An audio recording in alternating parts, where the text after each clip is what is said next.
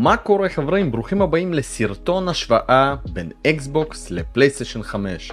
סרטון שאני כל כך שמח לשתף איתכם כי עבדתי עליו הרבה זמן, הוא היה אחת הסיבות שקניתי פלייסטיישן 5 בסופו של דבר, כי רציתי לחוות את הקונסולה הזאת, לאחר שהיה לי את פלייסטיישן 4 פרו. אה, סרטון שאני חושב שיראה לכם את התמונה האובייקטיבית ביותר שקיימת היום בשוק. כלומר, מהן הקונסולות, מה כל קונסולות בעצם מייצגת ומה עדיף לקנות לכל אחד מכם. מי שלא רוצה לשמוע את החפירות יכול ישר לדלג לפרק של הסיכום שבו אני ממליץ גם לצרכן הפשוט מה יותר מתאים לכם או שמה יותר מתאים לילד שלכם ומה כדאי. אני מדבר על אקסבוקס, פלייסטיישן ואפילו גם נינטנדו סוויץ' ו-PC. אבל רוב הסרטון התרכז בהשוואה בין שתי הענקיות סוני עם פלייסטיישן 5 ומייקרוסופט עם אקסבוקס Series X. הסרטון מחולק למספר פרקים, אנחנו נצלול ממש לפרטי פרטים של כל דבר. אני החלטתי לתת ניקוד אה, לכל מיני דברים שאנחנו נדבר עליהם, ככה שבסופו של דבר אה, נקבל איזשהו ציון לקונסולת אקסבוקס Series X ולפלייסטיישן 5. חייב להגיד שבדור הנוכחי יש המון המון דברים מעניינים. כלומר, שתי הקונסולות כביכול זהות, אבל שתיהן הולכות לשני כיוונים שונים לגמרי. כלומר, הן אולי דומות ביכולות, אבל הן לא דומות ב vision שלהן בכלל. כל חברה רואה את הגיימינג בצורה שונה לגמרי.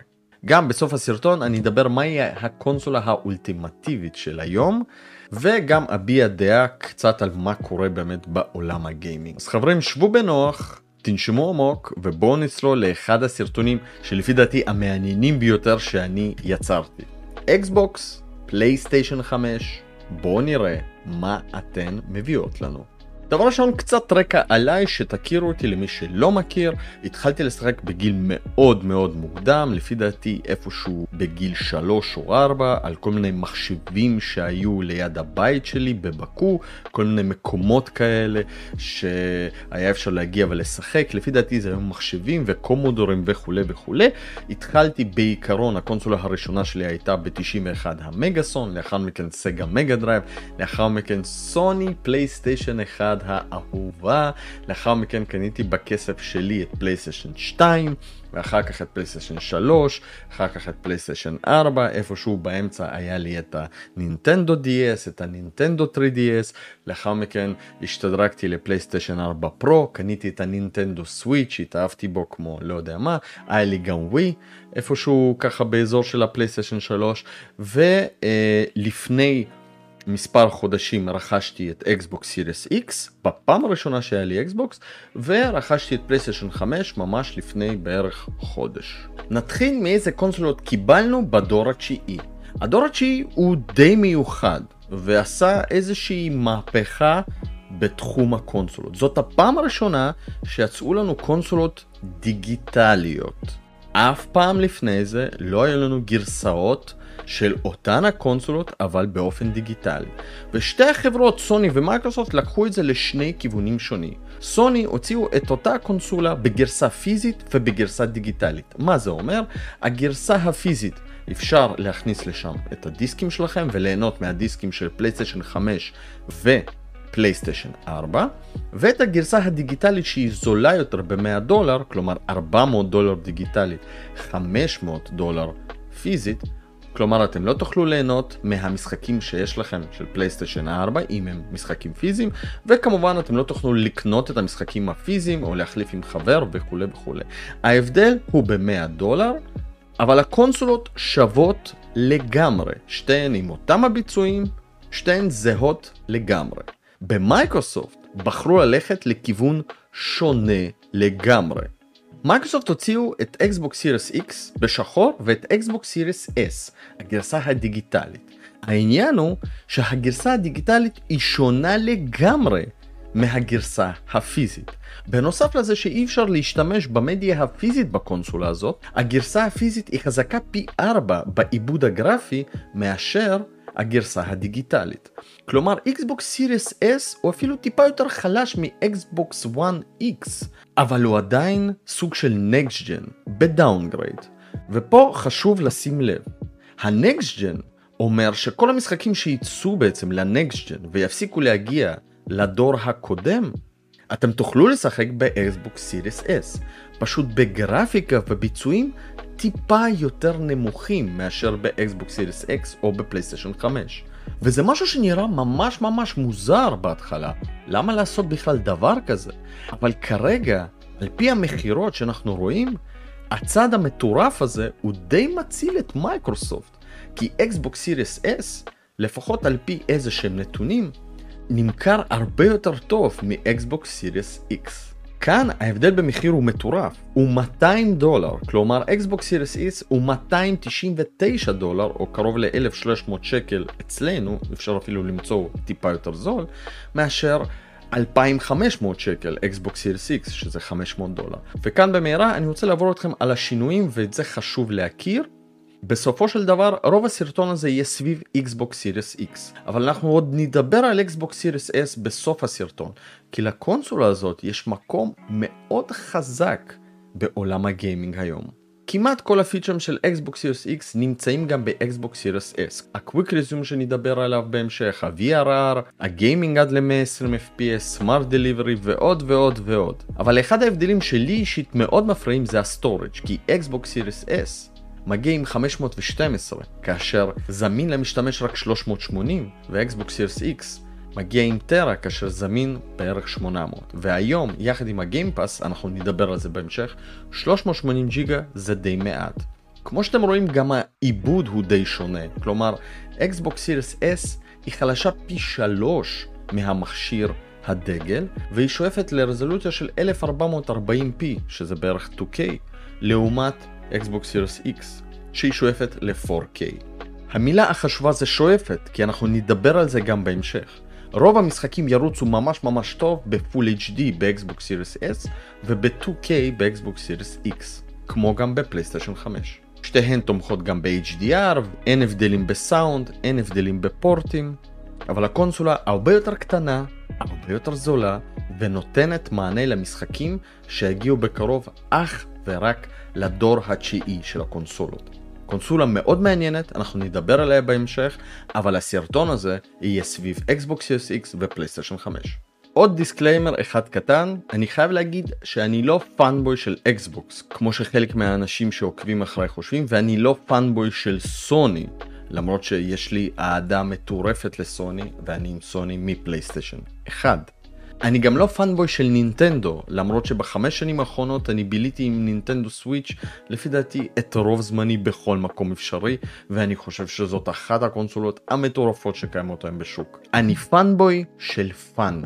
אני fanboy של דברים איכותיים. אני fanboy של value for money. ואני fanboy של התקדמות, innovation וכמה שיותר דברים חדישים בעולם הגיימינג. אני מאוד אוהב איכות ואני מאוד אוהב את ההתקדמות הטכנולוגית. ומכאן אנחנו נתחיל את ההשוואות. החלטתי להסתמך על הנתונים בוויקיפדיה כי הם אולי בין הכי אה, מדויקים ומפורטים שיש, אז אנחנו נסתמך על ויקיפדיה של פלייסטיישן 5 וויקיפדיה של אקסבוקס Series X. אז בואו נתחיל. שתי הקונסולות הם הדור התשיעי, אקסבוקס Series X יצא ב-10 לנובמבר ופלייסטיישן 5 ב-12 לנובמבר, מה שאומר נקודה לאקסבוקס כי היא יצא יותר מוקדם. סתם בדיחה. מוקדש לכל מי שחושב שאני fanboy של אקסבוקס. המחירים הם גם זהים, 499 לאקסבוקס Series X, 499 ל... פלייסטיישן 5. בגרסות הדיגיטליות כמו שאמרתי יש הבדל 399 ו-299 אבל בגלל שבאקסבוקס סיוס S זה באמת לא העתק של אותה קונסולה אלא באמת קונספט שונה לגמרי יש פה איזשהו כיוון שצריך להתייחס אליו. בעיקרון אני חשבתי שההחלטה של סוני לגבי הגרסה הדיגיטלית היא הנכונה ורציתי לתת לה נקודה על זה אבל אחרי שראיתי את המכירות של אקסבוקס Series S אמרתי מייקרוסופט עשתה פה באמת החלטה כלכלית כנראה מאוד נכונה ולכן במצב הזה זה תיקו אחד אחד. פלייסטיישן 5 נמכרה 19.3 מיליון קונסולות עד לסוף הרבעון הראשון 2022 ומייקרוסופט טוענת שהיא מכרה קרוב ל-12 מיליון קונסולות. לא ממש מובן מה החלוקה, ניסיתי למצוא על זה קצת, אבל זה כזה קצת מעורפל, אבל לרוב אנחנו רואים ש Series S ממש מוכר הרבה יותר מ Series X. גם אתם יכולים לראות שאת פלייסטיישן 5 כמעט אי אפשר להשיג במחיר נורמלי ואקסבוקס Series X עדיין זמין לפחות אצלנו בארץ ברוב החנויות. בחו"ל המצב הוא טיפה שונה אבל הנה כבר ברבעון האחרון האקסבוקס Series X ו-S עקפו את הפלייסטיישן במכירות. לרוב זה כי פשוט אין אספקה של פלייסטיישן 5 בחנויות הבעיה נובעת מבעיית הצ'יפים שהתחילה עוד מלפני כמה שנים והייצור של הקונסולות הוא ממש ממש בעייתי. זה גם משפיע על נינטנדו סוויץ' אגב שנינטנדו אה, מכרה די הרבה קונסולות שנה שעברה אבל גם התלוננה על הייצור וחוסר אספקה. בואו נדבר על המדיה. כאן הייתה לי הפתעה ממש ממש מגניבה. פלייסטיישן 5 תומך באולטרה HD בלו-ריי, שזה בעצם הפורמט החדש של הבלוריי, שהוא תומך עד ל-100 ג'יגה בדיסק אחד. אני אזכיר שהבלוריי הרגיל הוא בעצם שתי שכבות והוא תמך עד ל-50 ג'יגה בדיסק אחד. אולטרה HD בלוריי הוא triple layer, שלוש שכבות של data יושבות על דיסק אחד, והוא מגיע עד ל-100 ג'יגה data. אז פלייסטיישן 5 תומך באולטרה HD בלוריי, בלוריי, DVD וכמובן המדיה הדיגיטלית. אקסבוקס לעומת זאת הפתיע אותי בטירוף ואני בעצמי גיליתי את זה לפני איזה כמה ימים. כמובן שגם הוא תומך באולטרה HD בלוריי, בלוריי, DVD אבל בגלל ה-Backward Compatibility שאנחנו נדבר עליה בהמשך האקסבוקס תומך ב-CD וזה פשוט עשה לי את היום. לא היה לי שום מכשיר שיכל לנגן, ועד כמה שזה מצחיק, אבל לא עברו כל כך הרבה שנים מאז שהשתמשנו ב- CD-ROMים, והיום אין לי אותו לא במחשב ולא בלפטופ ולא בשום דבר אחר, אפשר לקנות את הכונן החיצוני, אבל רציתי איזשהו מכשיר שינגן לי את הדיסקים, את האוסף הדיסקים שיש לי במחסן, ואקסבוקס, שיש לו את ה media player של מייקרוסופט, יודע לנגן דיסקים. עוד משהו מאוד מעניין, גם ב-DVD יש הבדל. כלומר, ה-DVD בסוני הוא region locked, כלומר סוני ממש שומרת על זה, ולכן DVD מ-region אחד, אתם לא תוכלו לנגן בפלייסטיישן 5 מ-region אחר. אני נתקלתי בזה גם בפלייסטיישן 4, אם אני זוכר נכון. באקסבוקס פתוח. אתם יכולים להכניס כל DVD, הם לא שומרים על ה regionים, הם פשוט נותנים לכם לנגן כל דיסק שיש לכם בבית. לחלק מהאנשים זה בכלל לא רלוונטי, ובטח חלק מהאנשים שואלים על מה אתה מדבר בכלל, מי היום בכלל צריך CD? אבל למי שאוהב סאונד טוב ויש לו אוסף של CD, לפעמים הסאונד של CD אפילו הוא שווה ויותר טוב מהסאונד של התקליטים, שתלוי בהמון המון המון המון המון קריטריונים בדרך, עדיין זה כיף שיש מכשיר שיודע לנגן את ה-CD שנים שאספתם מהבית ספר או שקיבלתם בירושה מאיזה דוד או מההורים ובצורה מאוד פשוטה אתם פשוט מחברים את האקסבוקס לטלוויזיה או לאיזושהי מערכת עם רמקולים ממש ברמה ויכולים לתת חיים לספריית ה-CD שיש לכם. הדבר הזה אפילו בא במקום יותר חשוב, ב-Backward Compatibility, כאשר המשחקים של אקסבוקס הראשון הם יצאו על דיסקים. ולכן אקסבוקס הייתה חייבת לתמוך בפורמט של הדיסקים כדי לתת מענה ל-Backward Compatibility. הנושא של ה-Backward Compatibility אנחנו ניגע בו בהמשך, הוא נושא מאוד רחב, חשוב, ויש פה שתי גישות שונות לגמרי משתי החברות. בואו נתחיל לדבר על הדברים הבאמת חשובים. המעבד. המעבד של הקונסולה זה בעצם יחידת החישוב של כל הדברים המתמטיים. יש תלות מאוד גדולה. בשתי הקונסולות יש Custom AMD 8 Core Zen 2, אך באקסבוקס הוא פועל במהירות של 3.8 GHz או 3.6 עם SMT, ובפלייסטיישן הוא על 3.5. לכן האקסבוקס כאן הוא טיפה יותר חזק. כלומר אפשר לצפות שהקונסולה תתאמץ פחות בחישובים מורכבים. אני עדיין פה לא נותן נקודה, בואו נסתכל גם על ה memory, וגם בזיכרון האקסבוקס הוא טיפה יותר טוב. בפלייסטיישן 5 יש 16 ג'יגה עם 256 ביט GDR6, מעולה, זה קפיצה פי 2 מהדור הקודם, כלומר בדור הקודם היה לנו 8 ג'יגה זיכרון, זה מטורף. באקסבוקס Series X יש גם 16 ג'יגה אבל 320 ביט ו-192, כלומר זה מחולק ל-10 ול-6. גם המהירות של הזיכרון שלא מצוינת פה, אבל היא הרבה יותר מהירה באקסבוקס. מה ששוב מראה שהאקסבוקס היא מכונה טיפה יותר חזקה גם בזיכרון וגם במעבד. בגלל ששני הדברים האלה הם טיפה יותר חזקים, אז אני אתן חצי נקודה לכל נושא, וזה בעצם נקודה לאקסבוקס. בואו נעבור ל storage. כאן הדברים מתחילים להתחמם, וזה ממש ממש הולך להיות מגניב. נתחיל מאקסבוקס. אקסבוקס בחרו בגרסת Western Digital SN530 שזה בעצם NVMe SSD, ה-SSD הקטנים והחמודים והסופר מהירים החדשים שקונים גם למחשב, אה, בעצם זה ה hard disk של הקונסולה. עכשיו ה hard disk הזה הוא די מהיר, הוא תומך במהירות של 2.4 ג'יגה בייט לשנייה, כאשר הדאטה הוא לא מקומפרס, זה רואו דאטה, וכאשר הדאטה מקומפרס, הוא תומך בפי 2, כלומר זה משהו פסיכי לגמרי. 4.8. ככה ה hard disk הזה נראה. כן כן, זה בעצם ה-SSD החדשים והמדהימים שיש לנו בתוך המחשבים, רק שכזה דבר קטן מכיל טרה של storage. לפני שנתחיל להשוות ולחלק נקודות, נעבור כמובן גם לסוני ונראה מה הם עשו. כי סוני עשו משהו שונה לחלוטין. מי שלא מכיר את הסרטון של ה teardown של סוני, זה הזמן להכיר. וכמו שאתם רואים, על הלוח אם של סוני פלייסטיישן 5, יש מספר SSDs שהם בעצם סוג של קומפוננטות כאלה שמולחמות, לא ממש hard disk שאתם יכולים להוציא ולהחליף, יחד עם איזשהו יוניט שמנהל את כל ההארד דיסקים האלה. זה custom SSD controller. זה בעצם משהו שסוני עיצבה, יצרה, וזה לא ממש סתם הארד דיסק שאפשר לתקן, שאפשר להחליף, שאפשר להוציא ולהכניס וכולי, כמו שאתם רואים. זה ממש משהו אונבורד ומאוד מיוחד. התוצאה של הדבר הזה היא מטורפת. סוני טוענים שהם מגיעים עד למהירות של 5.5 ג'יגה בייט לשנייה, וכאשר compressed אז מדובר בין 8 לג'יגה ג'יגה בייט לשנייה. זה מהירויות מטורפות לגמרי, תחשבו על זה.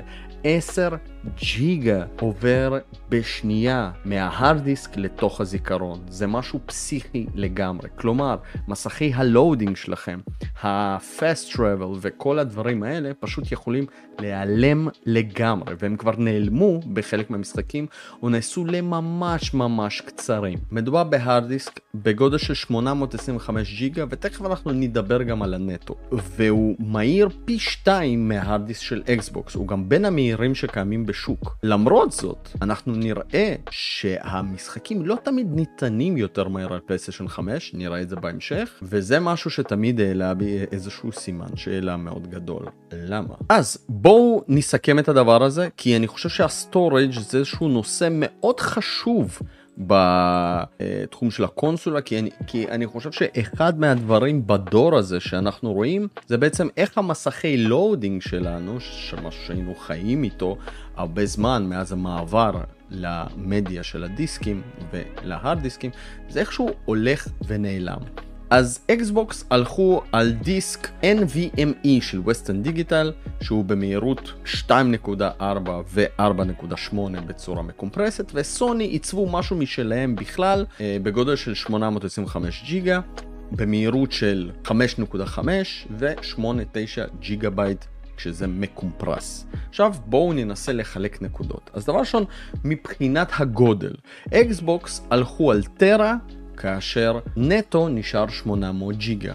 אקסבוקס לוקחים 200 ג'יגה למערכת הפעלה ולכל מיני פיצ'רים שאנחנו נדבר עליהם בהמשך וכולי וכולי. סוני נותנת לכם הארד דיסק בגודל של 825 ג'יגה. למה הגודל הזה חשוב? דבר ראשון, המשחקים של הדור הקודם כבר הגיעו קרוב לעשרות ג'יגות ומאות ג'יגות, שזה כבר אומר שמשחק לדוגמה כמו Red Dead Redemption יכול לשקול קרוב ל-100-120 ג'יגה. המשחקים האחרונים, Horizon Forbidden West לדוגמה שוקל קרוב ל-90 ג'יגה על פלייסטיישן 5. כלומר, המשחקים הענקיים, הטריפל איי, אלה שיראו כמו Next Gen וכולי, הולכים לשקול כנראה 90 או 100 ג'יגה ויותר, וכנראה שבהמשך הדרך הזה בכלל יהיה הרבה יותר. אני לא רוצה לגעת כרגע בקיבוץ שסוני עושים, אנחנו נדבר על זה בפיצ'רים, וכן, סוני עושים כיווץ למשחקים שלהם ויש הבדל בין הגודל בסוני ובאקסבוקס, אבל עדיין המשחקים שוקלים המון, וזה אומר שבסוני אתם תוכלו להתקין קרוב לשישה משחקי triple A, ובאקסבוקס שמונה. אז כאן אני רוצה לתת כמובן נקודה לאקסבוקס. מצד שני, סוני הלכה על משהו מטורף לגמרי ומביאה לנו פה מהירויות שאפילו לא היינו יכולים לחלום עליהם לפני מספר שנים ולכן אני רוצה לתת שתי נקודות לפלייסטיישן 5 על המהירות המטורפת שהם השיגו יחד עם ה design המטורף שהם עשו. בואו נדבר על האחסון הנוסף שאפשר להוסיף לקונסולה הזאת. הרי כבר דיברנו על זה שה storage הנוכחי הוא מספיק, אבל כנראה לגיימרים לטווח ארוך, ועם כל התמיכה לאחורה, הוא לא כל כך הולך להספיק לאורך זמן. ונצטרך כל הזמן למחוק ולהתקין את הדברים מחדש.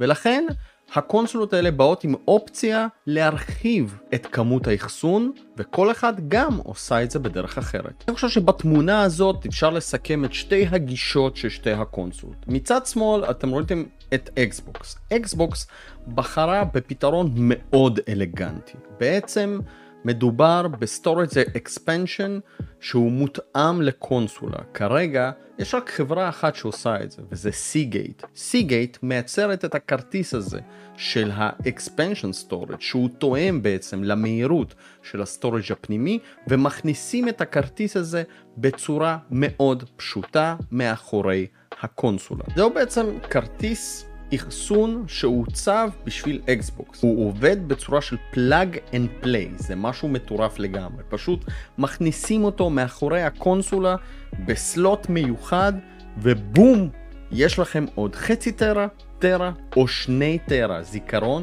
שהוא תומך בכל מה שיש באקסבוקס. אתם לא צריכים לשבור את הראש, האם המשחקים ירוצו עליו טוב או לא טוב וכולי, הוא פשוט תומך בהכל. אנחנו תכף נדבר על ה storage ים הנוספים שאפשר להוסיף, לדוגמה כמו הארד דיסקים חיצוניים וכולי, דרך ה-USB, יש שם מגבלות, אבל זה בעצם תואם לאחסון הפנימי של הקונסולה. החיסרון הגדול שהוא יקר. כרגע הוא עולה קרוב ל-200, 200 ומשהו דולר, ואין לו בעצם אלטרנטיבות. זהו בעצם הכרטיס היחיד שמעוצב ועובד עם אקסבוקס. אין שום אלטרנטיבה אחרת, אלא אם כן אתם תמצאו איזושהי אלטרנטיבה סינית וכולי, אבל אני ממש ממש לא ממליץ. מצד שני, סוני הוציאה בעצם את התמיכה בהכנסת כרטיס M2 SSD לתוך הקונסולה. זהו פתרון שנותן לכם הרבה אופציות להתקנה והמון חברות שהולכות לתמוך,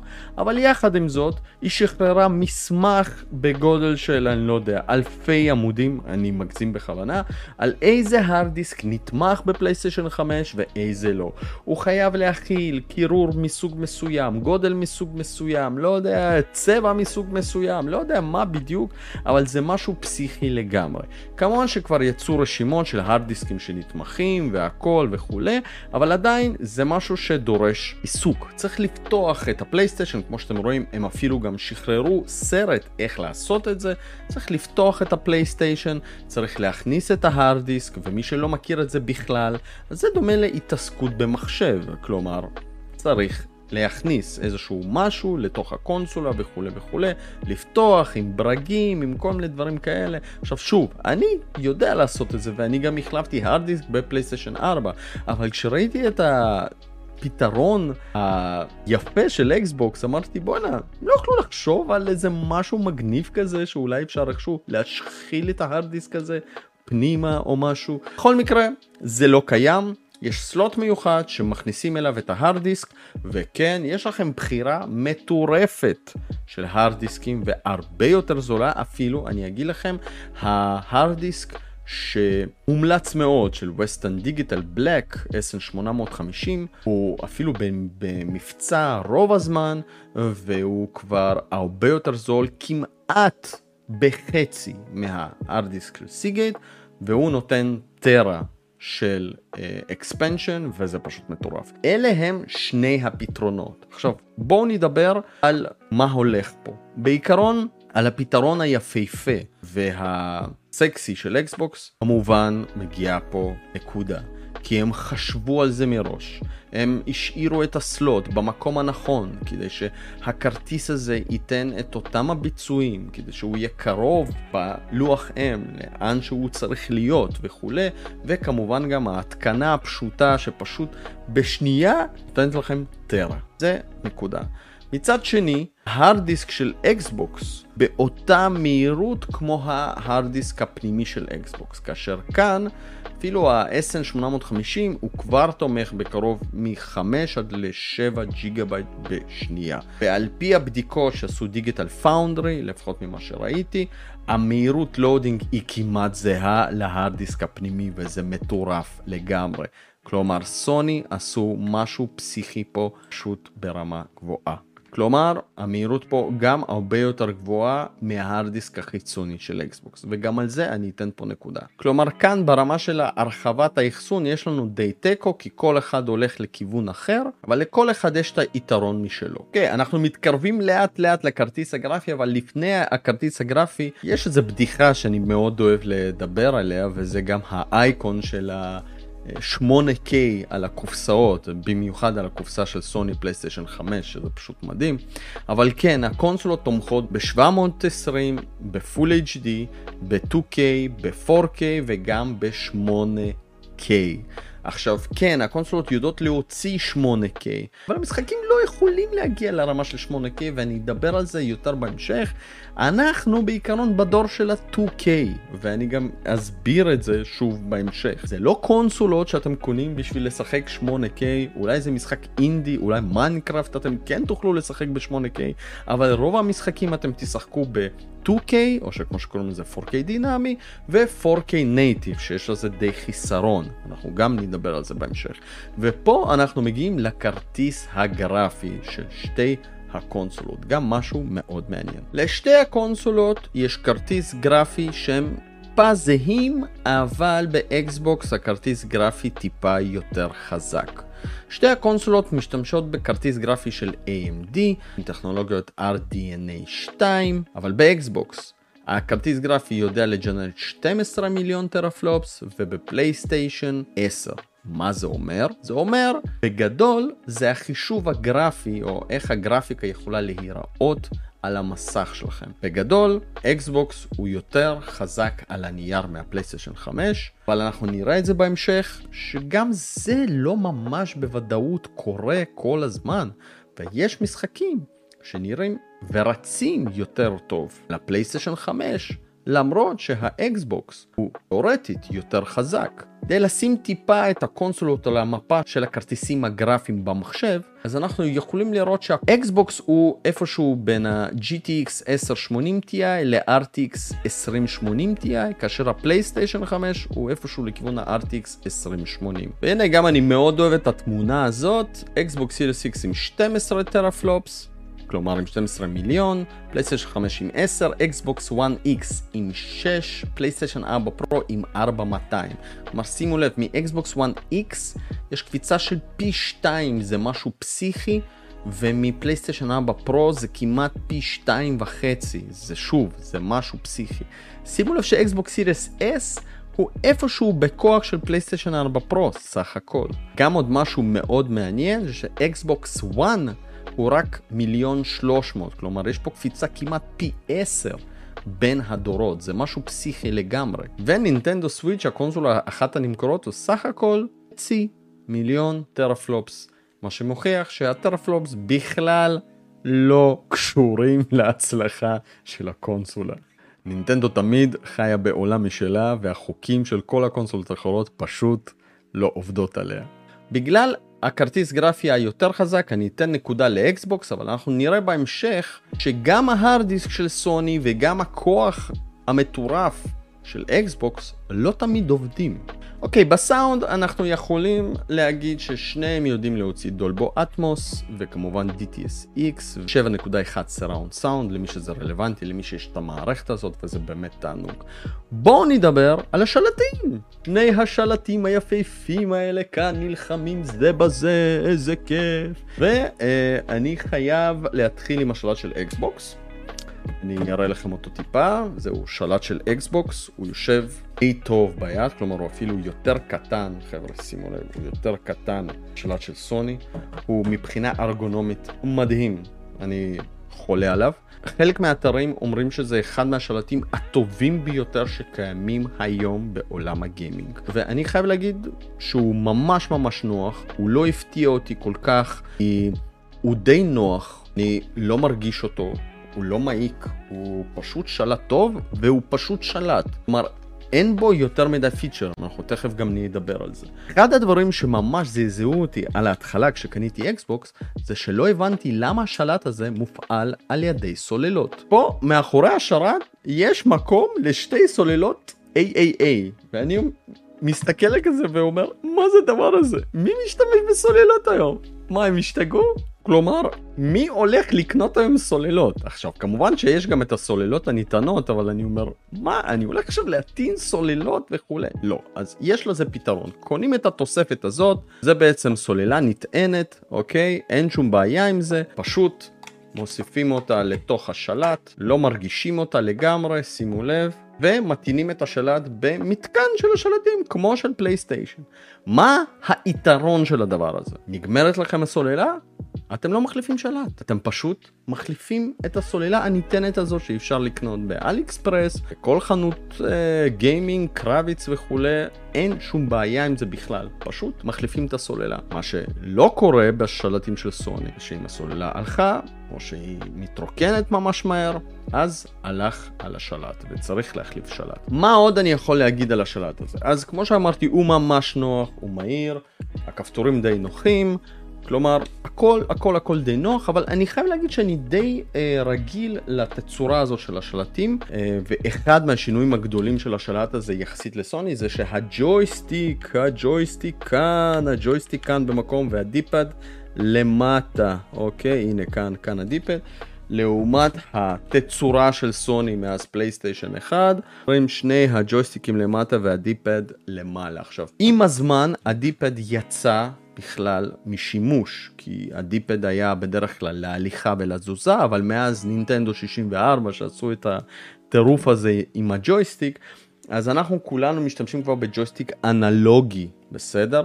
וה D-pad הוא משמש אותנו בכלל למשהו אחר, כלומר לפעמים לאיזשהו תת תפריט או משהו כזה. בנינטנדו 3DS אני גם כבר שיחקתי כאשר הג'ויסטיק למעלה, וגם אפשר לראות ברוב המכשירים שיוצאים, גם סינים וכולי, הג'ויסטיק הוא תמיד למעלה. סוני מתעקשים להשאיר את הג'ויסטיק למטה, כנראה שהם חושבים שזה יותר נכון, שזה יותר נוח וכולי.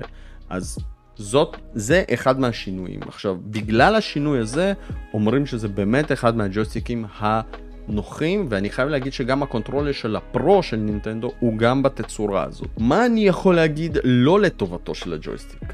הוא רועש. אתם שומעים את הרעש הזה? אני לא יודע אם אתם שומעים, אבל הוא פשוט רועש. כל הג'ויסטיקים האלה כשמזיזים אותם נגיד וכשהם נתקעים בדפנות זה פשוט רועש. אני מקווה שאתם שומעים את זה ככה ב...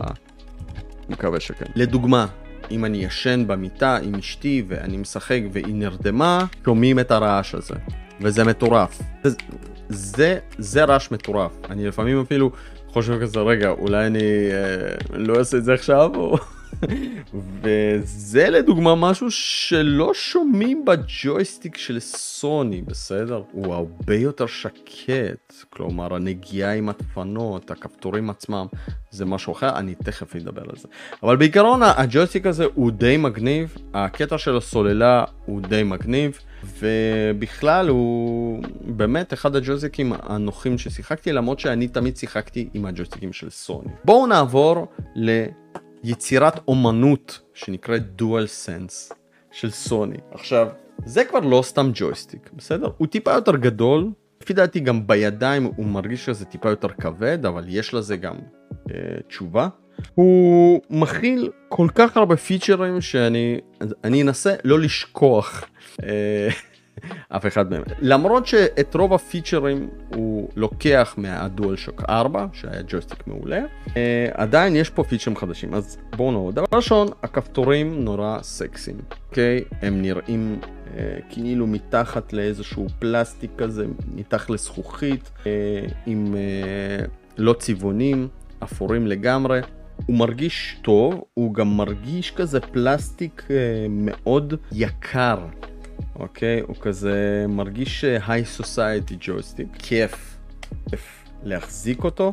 הוא מכיל פה טאץ', משהו שהיה כבר בדואל שוק הרביעי, אה, שמשמש אתכם לכל מיני משחקים, נגיד איפה שיש עכבר או שאתם צריכים לעשות משהו. הוא מכיל כאן מיקרופון שבו אתם יכולים לנשוף ולעשות איזושהי פעולה, מאוד דומה למה שהיה בנינטנדו DS לדוגמה, עם הנינטנדו דוגס, מי ששיחק, שנשפתם שם ואז יצאו בועות סבון לכלב והכלב כזה שמח וכולי, אה, איזה כיף. הוא מכיל כמובן שני אנלוגים כאן למטה, אני מאוד אוהב להשתמש בהם. מכיל גם טיפד ממש שקט, ממש נוח. ממש מגניב ובואו נעבור על הפיצ'רים המטורפים שיש בג'ויסטיק הזה.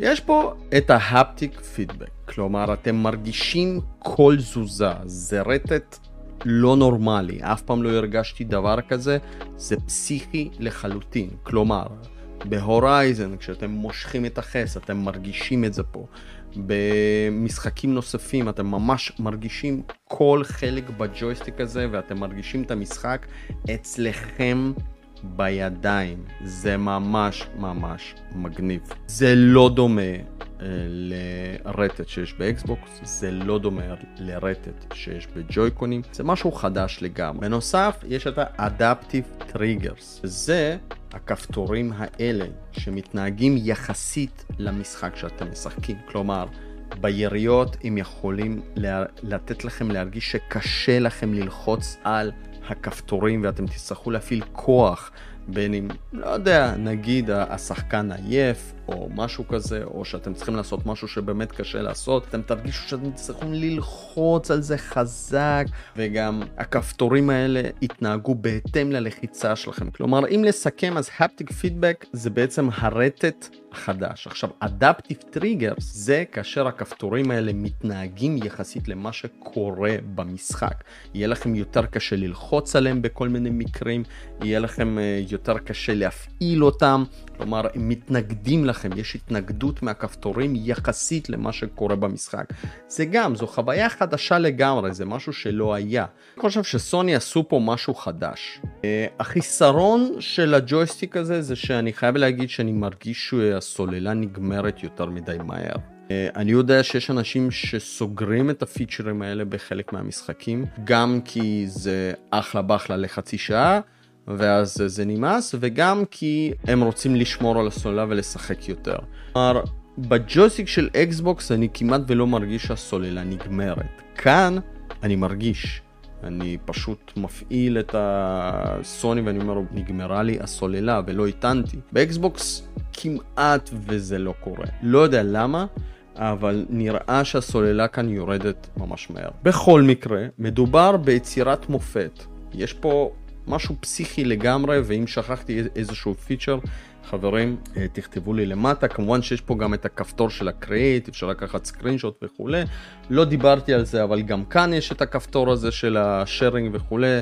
סושיאל מדיה זה, זה, זה משהו מאוד מאוד מאוד חשוב. שניהם ניתנים על ידי USB Type-C או המתינים הרשמיים בהתאם שיכולים להטעין אותם.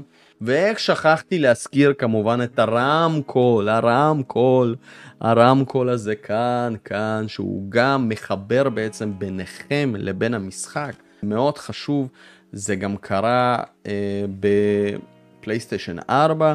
ואני חייב להגיד שהרמקול הזה, אה, כמו שסיפרתי גם בלייבים הקודמים ובשיחות, הוא היה משגע אותי ב Death Stranding, כי דרך הרמקול הזה הייתי שומע את התינוק בוכה, ואז הייתי חושב שזה התינוק שלי והייתי רץ בעצם לחדר של התינוק, כאילו כדי לבדוק מה הוא צריך, האם הוא עשה קקי או שהוא סתם רעב וכולי, וזה לא היה, כמובן, זה היה התינוק של Death Stranding שסחבתי, אבל כן, הרמקול הזה נותן הרגשה מגניבה, נזכרתי בה מהפלייסטיישן 4 כשהתחלתי לשחק בפלייסטיישן 5, זה באמת איזשהו קשר חזק.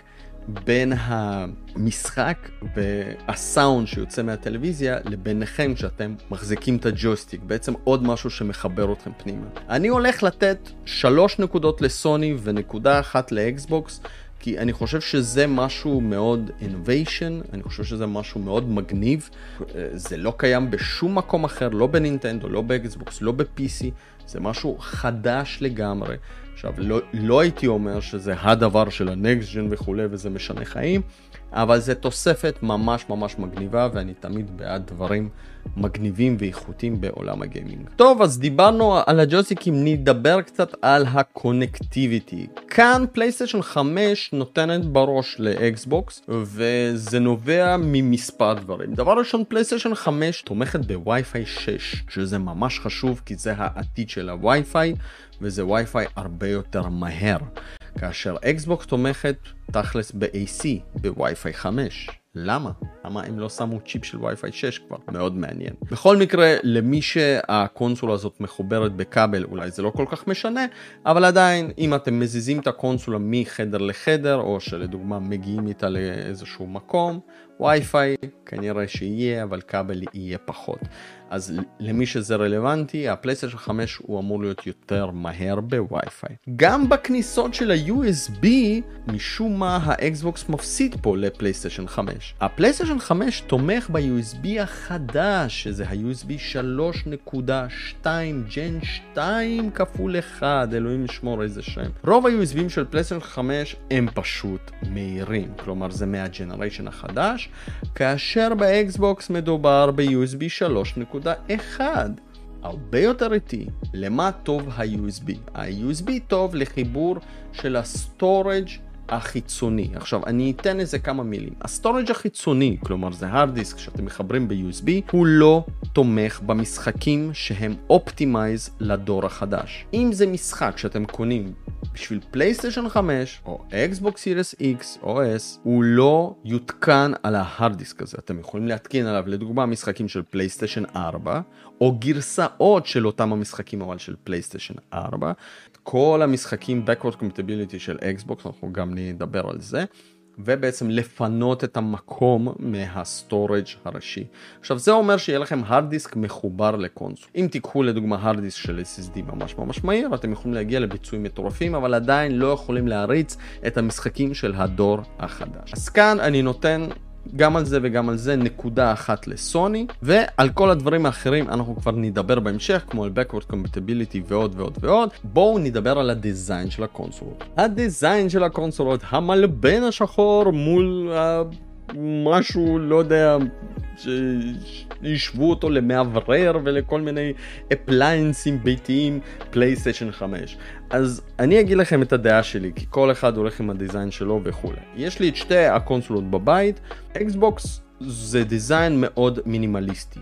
מלבן שחור עם המון חריצים לכל מיני צרכים, כלומר בין אם זה להכניס את הדיסק או להכניס את ה-expansion, USB וכולי, ממש ממש יפה ונוח, קל להזיז אותו מחדר לחדר, לשים אותו בכל מיני מקומות כי הוא פשוט מתאים בין אם זה על הצד, בין אם זה בעמידה וכולי, פשוט עיצוב מדהים, קל, פשוט וואו. פלייסטיישן נראה מדהים בתמונה ואני בין הראשונים שאמרתי שהעיצוב של פלייסטיישן הוא פשוט עיצוב וואו, אבל כשקיבלתי את הקונסולה הזאת וכששמתי אותה בבית, הסתכלתי עליה ואמרתי, לא יודע, זה נראה לי מוזר, זה נראה לי גדול מדי, ו- ואתם גם רואים פה בתמונה את היציאה הזאת עם ה- בגרסה הפיזית עם הדיסק, לא יודע, משהו שם לא מסתדר לי ומה קורה. והפלסטיק הלבן מול השחור, לא יודע, נראה לי טיפה מוזר, אבל בתמונה זה נראה מדהים. להסתובב עם הקונסולה הזאת בין חדר לחדר הרבה פחות נוח. היא גדולה, היא ענקית, היא פשוט, אני חושב שהיא נראית באמת עתידנית, אבל מבחינת העיצוב ומבחינת הנוחות, אני חושב שאקסבוקס הלכו פה על מינימליסטי וזה פשוט הצליח בגדול. אז אני אתן פה נקודה לאקסבוקס. אבל... אני חייב להגיד שיש באקסבוקס איזשהו משהו שמאוד מאוד מפחיד. אם תשימו לב, יש פתחים, עיגולים כאלה פתחים בחלק העליון של אקסבוקס. זה בעצם הפתחים למאוורר. המאוורר של אקסבוקס הוא גלוי. כלומר, הוא מוציא את כל החום החוצה דרך הפתחים האלה. המאוורר של פלייסטיישן מוחבא בין הפלטות. הוא מוציא גם את כל החום החוצה, אבל הוא מוציא את זה בצורה שונה לגמרי. ופה היה לי איזה משהו כזה, או יותר נכון, משהו שמפחיד אותי כל יום. הפתח של המאוורר הזה פתוח, יש לי ילדים קטנים בבית. אם מישהו חס וחלילה ירצה לבדוק מה זה הפתחים הקטנים והחמודים האלה, ויזרוק לשם איזה סיכה, או איזה עיפרון, או איזה טוש, או איזה קיסם אפילו, ואני פשוט אפעיל את האקסבוקס. כשאני לא אדע שזה בכלל קיים, אין לי מושג מה הולך לקרות. לפחות לי זה נראה פתוח לגמרי, ואני חושב שהעיצוב של המאוורר פה הוא הרבה יותר רע אה, מפלייסטיישן 5 שהוא מוחבא, אבל עדיין העיצוב הכולל של כל הקונסולה של האקסבוקס הוא ממש ממש טוב, ואני הולך על אקסבוקס כעיצוב של קונסולה מינימליסטי, מגניב, פשוט וואו. בואו נדבר על נושא משחקים האקסקלוסיביים, ובואו נתחיל מאקסבוקס.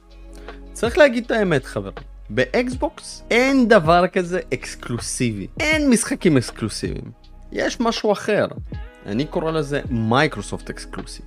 למה? כי אין משחק שאפשר לשחק באקסבוקס ולא ניתן לשחק ב-PC.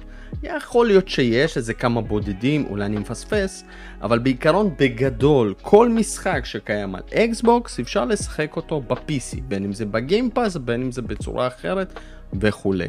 כלומר, אין באמת אקסקלוסיבים. אין משחקים שנכתבים ממש על התשתית של אקסבוקס כדי לנצל את היכולת, כי הם נכתבים בדרך כלל גם וגם. או שעוברים כ-port ממחשב לאקסבוקס, או שכן לפעמים נכתבים לאקסבוקס, אבל אחר כך עוברים port ל-PC. בסופו של דבר אין אקסקלוסיבים לאקסבוקס. יש Microsoft exclusive, וזה כן מאוד חשוב, כי תכלס, אם יש לכם מחשב, ואני אדבר על זה בהמשך, אתם יכולים לקבל את החוויה של אקסבוקס ב-Game Pass של PC, חוץ מאיזה כמה של פיצ'רים וכולי, ומהחוויה של הקונסולה, אבל על זה אני הולך לדבר בהמשך. כן יצאו משחקים טובים בשנים האחרונות, וזה כמו Halo Infinite, ויצא Forza Horizon 5. ויצאו כל מיני משחקי אינדי טובים כמו The Gunk, כמו Tunic, ש-Tunic עוד מעט גם הגיע לפלייסטיישן 5, בדיוק הוכרז, אבל יצאו מספר מצומצם של משחקים, משחקי Ori. לדוגמה Ori and the Blind Forest אחד מהמשחקים הטובים אבל גם הוא יצא אחר כך לנינטנדו סוויץ' וגם הוא זמין ב-PC. בעיקרון באקסבוקס אין אקסקלוסיבים יש משחקים טובים ויש משחקים שאמורים לצאת, אנחנו תכף גם נדבר על זה. מייקרוסופט קנו המון חברות עכשיו כדי לייצר סוג של ספרייה אקסקלוסיבית מייקרוסופטית, שתוכלו לשחק גם ב-PC וגם באקסבוקס, אותו Elder Scrolls 6, אותם המשחקים הבאים של Bethesda כמו Starfield וכולי, הכל זמין למחשב. וזה משהו שמאוד חשוב להבין כשאנחנו נדבר גם בהמשך. אקסבוקס לא מביא משהו אקסקלוסיבי לשחקן, הוא מביא את חוויית הקונסולה בעצם עם המשחקים שקיימים במחשב, יחד עם כל ה-third party וה-indies ועוד ועוד ועוד. אנחנו נדבר על זה עוד בהמשך. אבל שוב ואני אחזור על זה, אין אקסקלוסיבים לאקסבוקס, יש Microsoft exclusive שקיימים לאקסבוקס ולמחשב. אבל גם אצל סוני לא הכל כל כך טוב. כלומר כמות האקסקלוסיבים שלהם לפלייסטיישן 5 היא ממש קטנה ובואו נחלק את האקסקלוסיבים על פי הקטגוריות. אז דבר ראשון יש את האקסקלוסיבים שהם לפלייסטיישן 5 ואלה הם ממש משחקים בודדים אני אתרכז בממש מספר קטן במשחקים הגדולים שזה Returnal, שזה Demon's Souls, שזה Ratchet and Clank, שזה Gran Turismo וגוסט ווייר טוקיו לפי דעתי זה גם אקסקלוסיבי זמני כי זה יגיע למייקרוסופט כי זה של Bethesda. כלומר יש ממש קמצוץ של משחקים אקסקלוסיביים לפלייסטיישן 5. מה זה אומר? זה משחקים שעוצבו לפלייסטיישן 5, אפשר לשחק אותם אך ורק בפלייסטיישן 5. אני שם כוכבית כי תכף גם נדבר על הפורטים ל-PC, אבל בעיקרון לפלייסטיישן יש את ה... studios משלהם שמפתחים משחקים. זה תמיד היה ככה. זוכרים את פלייסטיישן 1, זוכרים את פלייסטיישן 2 ו-3. פלייסטיישן 1 היה מפוצץ במשחקים אקסקלוסיביים בין אם זה third party או לא third party. אז השכבה הראשונה זה המשחקים שבאמת אקסקלוסיביים לפלייסטיישן 5. השכבה השנייה זה סוג של רימאסטרים ושדרוגים של משחקים של פלייסטיישן 4. לדוגמה אותו ספיידרמן, Spider-Man Miles Morales, Death Stranding Director's Cut, Ghost of Tsushima Director's Cut וכולי וכולי. זה לא משחקים אקסקלוסיביים, אבל הם קיבלו איזשהו תוכן נוסף לפלייסטיישן 5. Final Fantasy 7 Remake Intergrade גם. תוכן ממש ספציפי אני לא קורא לזה אקסקלוסיבי, אבל זה משחקים ששודרגו בעצם לפלייסטיישן 5. המשחקים הגדולים, ושני המשחקים המועמדים למשחקי השנה, שזה Horizon Forbidden West ו-God of War Ragnarok, שעוד לא יוצא, אבל אני בטוח שהוא יהיה מועמד למשחק השנה, הם יוצאים גם לפלייסטיישן 4. עכשיו, מצד אחד אתם יכולים להגיד, למה זה קורה ולמה אנחנו רואים את זה? אז הסיבה היא זה כלכלית. החברה לא רוצה לאבד את כמות המכירות שיכולה להשיג במשחקים האלה. פלייסטיישן 4 נמכר יותר מ-115 מיליון קונסולות בכל העולם, כאשר פלייסטיישן 5 רק לכיוון ה-19 לפי דעתי. ולכן למשחק יש הרבה יותר פוטנציאל להימכר על פלייסטיישן 4 מאשר על פלייסטיישן 5. ולכן זה גם חיסרון של המשחק הזה, כי המשחק לא נכתב ממש על התשתית של פלייסטיישן 5, אלא הוא נכתב כנראה עם המגבלות של פלייסטיישן 4. אבל מה אם זה היה נכתב אקסקלוסיבית לפלייסטיישן 5? איך זה היה נראה? לדוגמה, Horizon Forbidden West זה באמת אחד המשחקים היפים ביותר שראיתי בחיים שלי על קונסולות, כאשר מדובר במשחק עולם פתוח, משחק גדול, רחב וכולי. אבל מה אם הוא היה נכתב לפלייסטיישן 5 בלבד? איך הוא היה נראה? האם אולי הוא היה נראה הרבה יותר טוב ממה שלפחות אנחנו רואים. אני לא יודע להגיד, אבל זה חלק מהחסרונות כאשר מפתחים לשני הדורות. ולכן פה בנושא של האקסקלוסיבים אני חושב שמגיע פה נקודה אה, לסוני בגלל שהיא ממשיכה עם האקסקלוסיבים ויש לה באמת עוד הרבה משחקים ועכשיו נדבר על המשחקים שהולכים לצאת. אז בואו נדבר על המשחקים שהולכים לצאת ממש 2022 ו-2023 ונראה מה מהספריות האלה באמת אה, נראה יותר מרשים. אז דבר ראשון פלייסטיישן 5 הולכת להפציץ השנה וכולם מקווים שזה באמת יקרה עם שני משחקים מאוד גדולים. דבר ראשון זה God of War Ragnarok שזה אקסקלוסיבי של סוני כלומר זה יוצא גם לפלייסטיישן 4 וגם לפלייסטיישן 5 ההמשך של God of War 2018 ועוד משחק זה Forspoken של Square Enix משחק שנראה ממש ממש טוב סוג של אקשן RPG כזה, נראה ממש מגניב. בנוסף הולך להיות רימייק לאחד מהמשחקים האגדיים של סטאר וורס, The Knights of the Old Republic, אני אישית לא שיחקתי בו ולכן יש מצב שאני אשחק ברימייק, ויש עוד כמובן את ההכרזות של, של ספיידרמן 2 ש, שאמור לצאת, ווולברין כמובן, ועוד מספר כותרים אחרים שהוכרזו ל-2023, אבל זה בעיקרון הכותרים הגדולים שהולכים לצאת לסוני. כאשר אני מציין את הכותרים שהם אקסקלוסיביים לסוני, אקסקלוסיביים לפלייסטיישן 5 וגם אקסקלוסיביים של סוני אבל יוצאים ל-PC. לא ציינתי כאן את הכותרים שהם קרוס פלטפורם, כלומר אם שיוצאים לסוני ולאקסבוקס. לאקסבוקס יש רשימה מאוד גדולה של משחקים שפשוט לא יוצאת. חלק מהמשחקים היו אמורים לצאת השנה, אבל לאקסבוקס אין מזל עם 2022. עד עכשיו לא יצא אף משחק triple A ענקי שאקסבוקס הבטיחה. Starfield נדחה כי כנראה שמייקרוסופט לא מרשה להוציא משחקים ברמה כמו ש Bethesda מוציאה והיא ביקשה כנראה לתקן אותם ולהוציא אותם בצורה נורמלית. המשחק של סטלקר 2 נדחה בגלל המלחמה באוקראינה לצערי וגם ריפלייסט גם היה מפותח על ידי אולפן באוקראינה אה, לצערי גם נדחה. ויש אה, עוד מספר משחקים שפשוט אין להם עדיין תאריך. אבל 2022 אני חייב להגיד היא שנה לא טובה לאקסבוקס. דיברו על Outer World 2, דיברו על Avowed, דיברו על Hellblade 2. יש רשימה של משחקים ממש ממש גדולה וכמובן בלי להזכיר את אדרסקו 6, שזה בכלל לפי דעתי אנחנו לא נראה ולא נשמע שום דבר עד 2024-2025, אבל יש רשימה מאוד מכובדת של משחקים, והקטע החזק שכל המשחקים שציינתי עכשיו אמורים להגיע ב-day one ב Game Pass. אני אדבר על זה בחלק הבא כשירות של הגיימינג, אבל יש לזה משמעות מאוד גדולה. גם אם המשחקים הם לא אקסקלוסיביים, המשחקים מגיעים ביום הראשון שלהם ל Game Pass של אקסבוקס, וזה מטורף. אז מבחינת המשחקים שאמורים לצאת, גם בצד של אקסבוקס יש לפי דעתי משחקים שיכולים להיות מועמדים למשחקי השנה, כמו Starfield לדוגמה, אה, כמו אולי אה, פלקטל, אולי לא משחק השנה, אבל אה, אחד מהכותרים המובילים, הלבלייד יכול להפתיע, Outer World 2 יכול לתת שוב את החוויה של המשחק הראשון, אבל משופרת, הכל הכל הכל מאוד מעניין, אבל לא ראינו כלום. כלום, כי הכל נדחה, הכל סוג של הולך לצאת מתישהו ב-2023, אולי ב-2024, ועכשיו אנחנו בסוג של המתנה.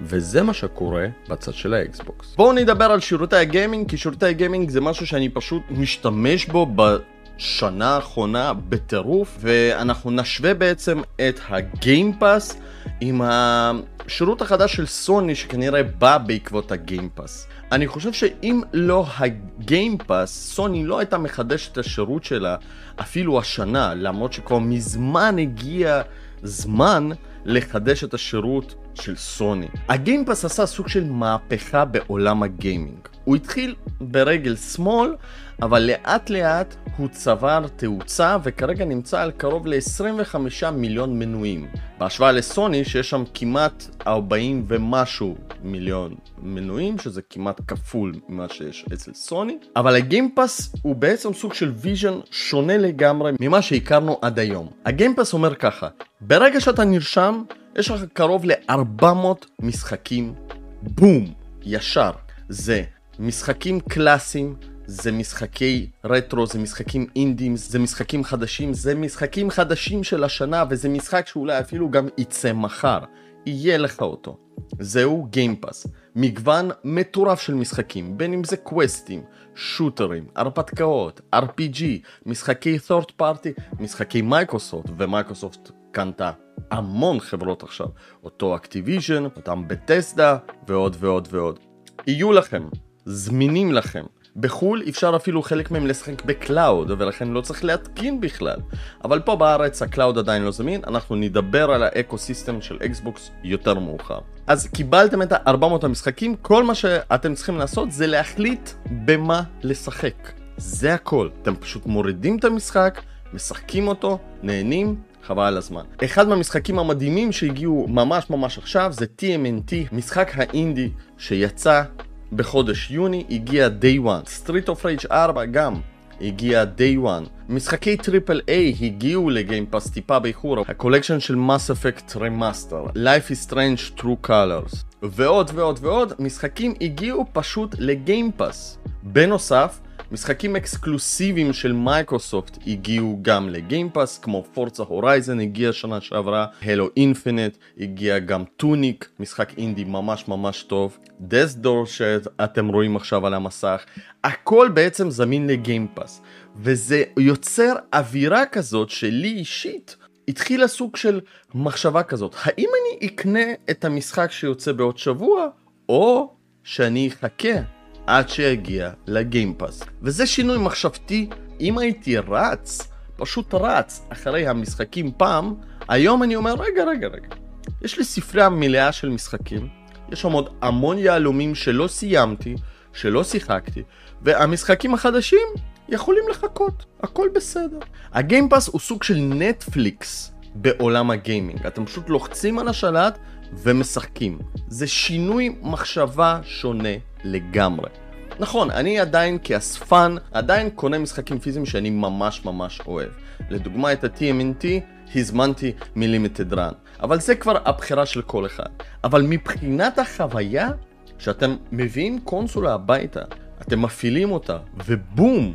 יש לכם יותר מ-400 משחקים שאתם יכולים לשחק, והם triple A, הם משחקי אינדי, הם משחקים מהעבר, הם משחקים קלאסיים, הם משחקים remaster ועוד ועוד ועוד, חבר'ה, זו חבילה מנצחת. אין דברים כאלה. הכי חשוב, והנקודה היא, שיש משחקים חדשים ב Game Pass, ואני מדגיש את זה, כי אנחנו עוד מעט הולכים לדבר על השירות של סוני. וחדשים זה day one, כלומר ברגע שזה יוצא בשוק זה מגיע ל Game Pass, וחדשים הם גם מספר חודשים אחרי שיצאו בעולם. לדוגמה, המשחקים הבאים שהולכים לצאת הם Plague Tale Requiem, זה משחק triple A שהולך להגיע day one ל Game Pass, הוא הולך להגיע גם לפלייסטיישן. Scorn, משחק אימה, ו Atomic Heart, גם משחק שהוא בעצם cross platform, אבל ב Xbox הוא מגיע day one. כלומר, נוצרת אווירה שגם אם המשחקים הם לא שייכים למייקרוסופט, חלק מהם פשוט מגיעים day one ל Game Pass, ולא מגיעים לסוני פלייסטיישן. הם לא מגיעים לסוני פלייסטיישן כי השירות שלהם לא בנוי לזה ואנחנו תכף גם נדבר על זה. חשוב להבין זו ספרייה שמתחלפת כמו בנטפליקס. כלומר המשחקים שם לא נשארים לעד אלא אם כן זה של מייקרוסופט. לדוגמה Skyrim לא ייעלם משם. ברור. גם המשחקים שהם לא של מייקרוסופט נשארים למשך המון המון זמן. Streets of Rage 4 היה בערך שנתיים עד שהוא עזב, השנה. המשחקים שעזבו בדרך כלל, שאני ציפיתי בהם בשנה, זה כל מיני משחקים כאלה ישנים כמו פיפא 19, פיפא 20, שהתחדשו עם פיפא 22 ועוד ועוד ועוד. כל מיני משחקים מוזרים כאלה שלא נגעתי בהם ולא שיחקתי בהם. אבל כן, היו חודשים שעזבו מספר משחקים גדולים, ורצתי ישר לשחק בהם. וזה גם מאוד חשוב. ברגע שמסמנים אותם כ-Leaving Soon, אני פשוט הולך ומשחק בהם עד שהם עוזבים. אני גם אוסיף, יש יהלומים בספרייה הזאת. ואני אגיד כמה. דבר ראשון, Skyrim, Hellblade, Plague Tale, Octopath Traveler, משחק JRPG, Nier Automata שהיה בשירות הזה, Scarlet Nexus. יש אווירה שכמעט כל משחק יגיע לשם.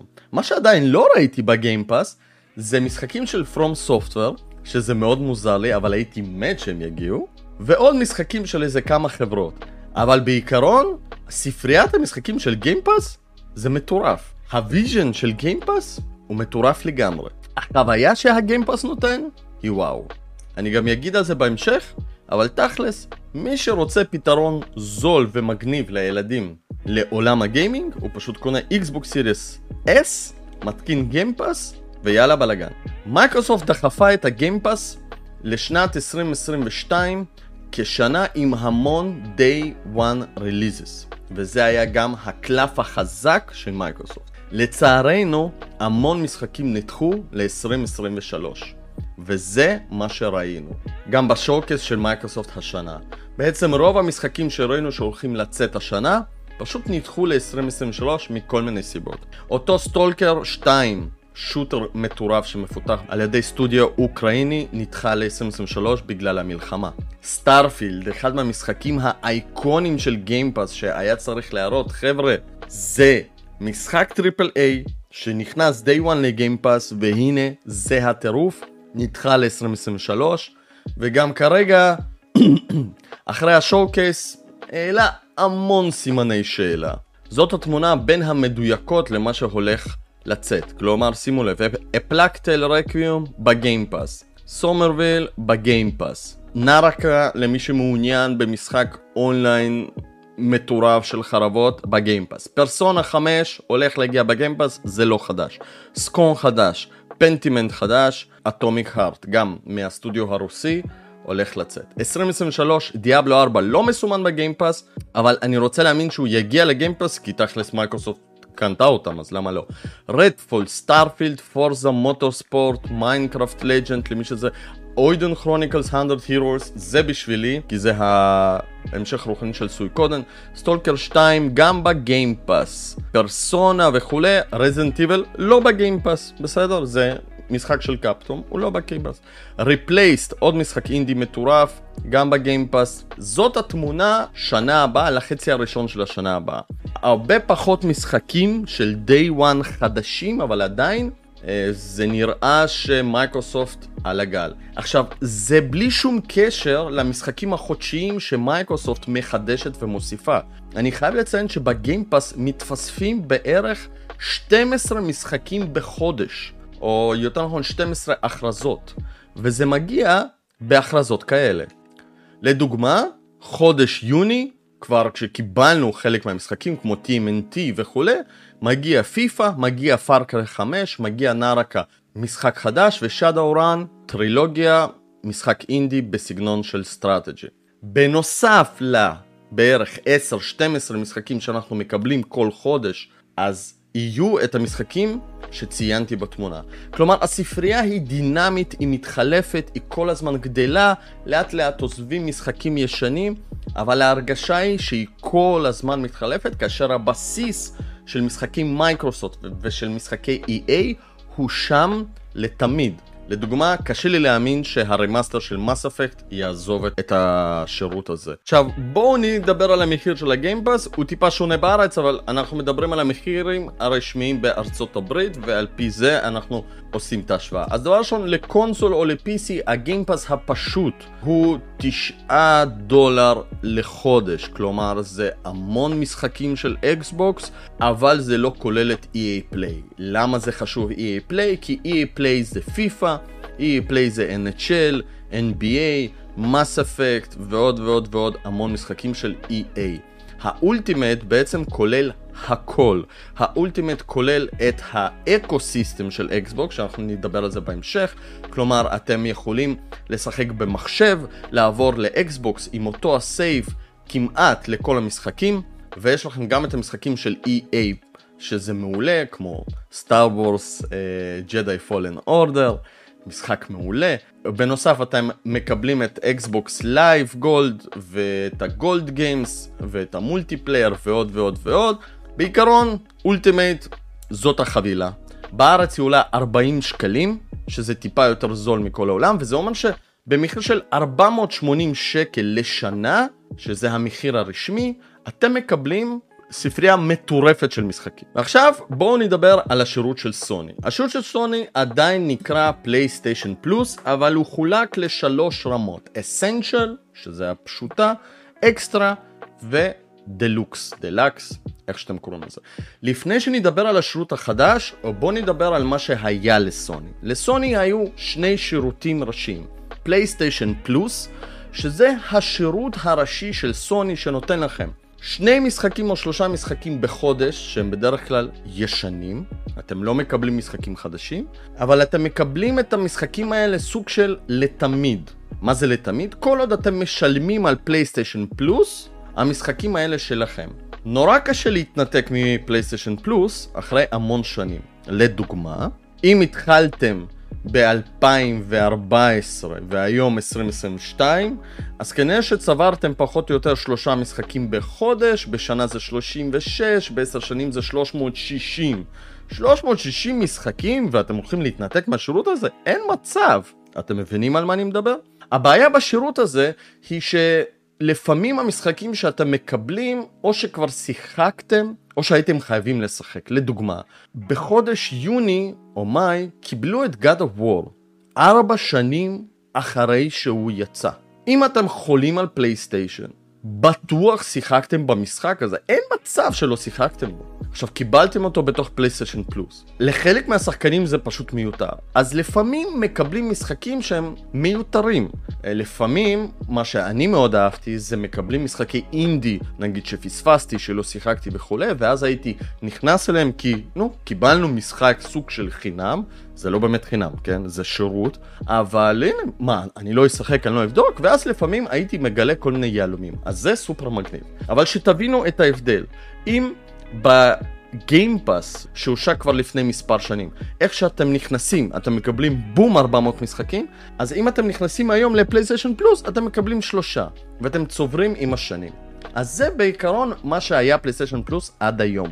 עוד שירות שהושק זה PlayStation Now. PlayStation Now זה שירות סטרימינג של סוני שלא זמין בארץ אבל אפשר דרך ה user האמריקאי לשחק בו. הוא היה נותן להתקין חלק מהמשחקים על הקונסולה כדי להיפטר מהסטרימינג, אבל לרוב משחקי פלייסטיישן 3 זה אך ורק בסטרימינג. האם זה עובד טוב?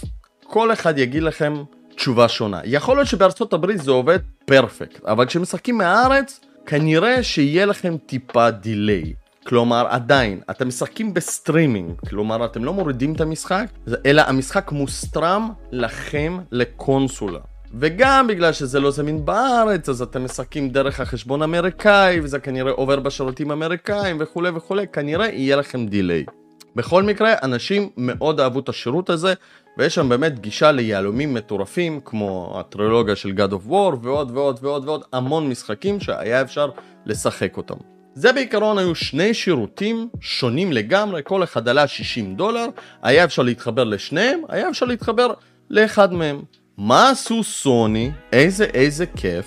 החביאו את ה-PS Now בעצם בדרגה הכי יקרה שיש. יכול להיות שהם זיהו פה איזשהו פוטנציאל שיווקי, וכנראה שה-PS Now די תופס בחו"ל, אז הם אמרו, אנחנו לא ניתן עכשיו אפשרות לקנות רק את ה-PS Now. אתם רוצים את ה-PS Now שעלה 60 דולר, שלמו את הדלקס שעולה 120 דולר.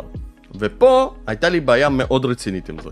כשמתחילים כבר לשחק ולהגביל את השחקן במה לבחור, אז זה מעצבן אותי רצח. אבל בואו נדבר על השלושה tier ים שסוני בעצם מציעים כאן. אז ה-PS פלוס הרגיל, ה Essential, שאתם מקבלים מספר משחקים בחודש. אתם מקבלים אונליין, אתם מקבלים מבצעים בחנות הדיגיטלית, exclusive content, cloud storage ל save ים ועוד ועוד PlayStation Plus Collection שלפי דעתי זו בדיחה, אה, כי מדובר במספר משחקים שכבר כולם שיחקו ויודעים וכולי, אני לא אדבר על זה. מקבלים באסנשל, באותו המחיר. בשירות האקסטרה, פה יש שינוי מאוד רציני. סוני עם הגישה שונה לגמרי יחסית למייקרוסופט. סוני לא יכולה להביא לנו את המשחקים שלה ב-day one. לא יכולה. אני מתווכח עם המון אנשים שסוני צריכה לעשות איזשהו שינוי במודל העסקי שלה כי העולם הולך לאיזשהו כיוון, כלומר יש פה איזשהו כיוון, צריך להסתכל שונה, כמו שנטפליקס עשו בעולם הקולנוע, כמו שאקסבוקס עושים עם הגיימפאס, צריך לחשוב חדש. אבל לא, סוני עדיין לא שם, וסוני מתעקשת שאת המשחקים החדשים אתם כנראה תקנו.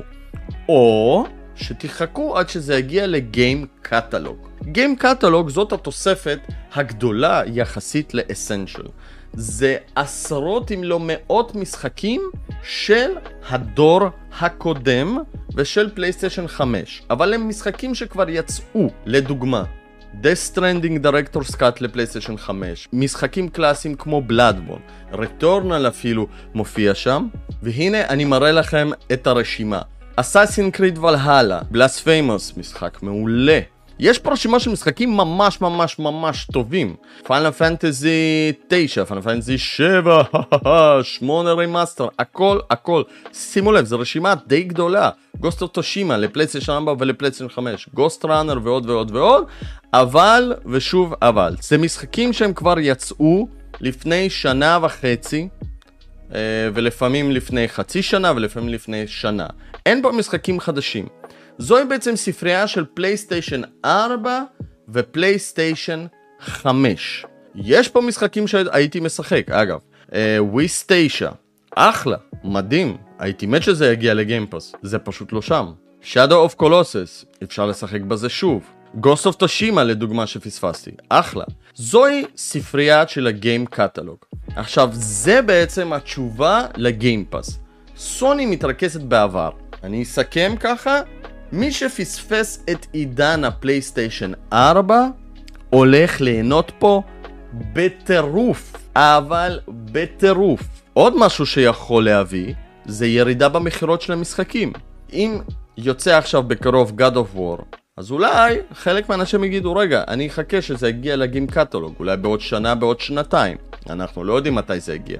הורייזן שיצא בפברואר לא נמצא פה.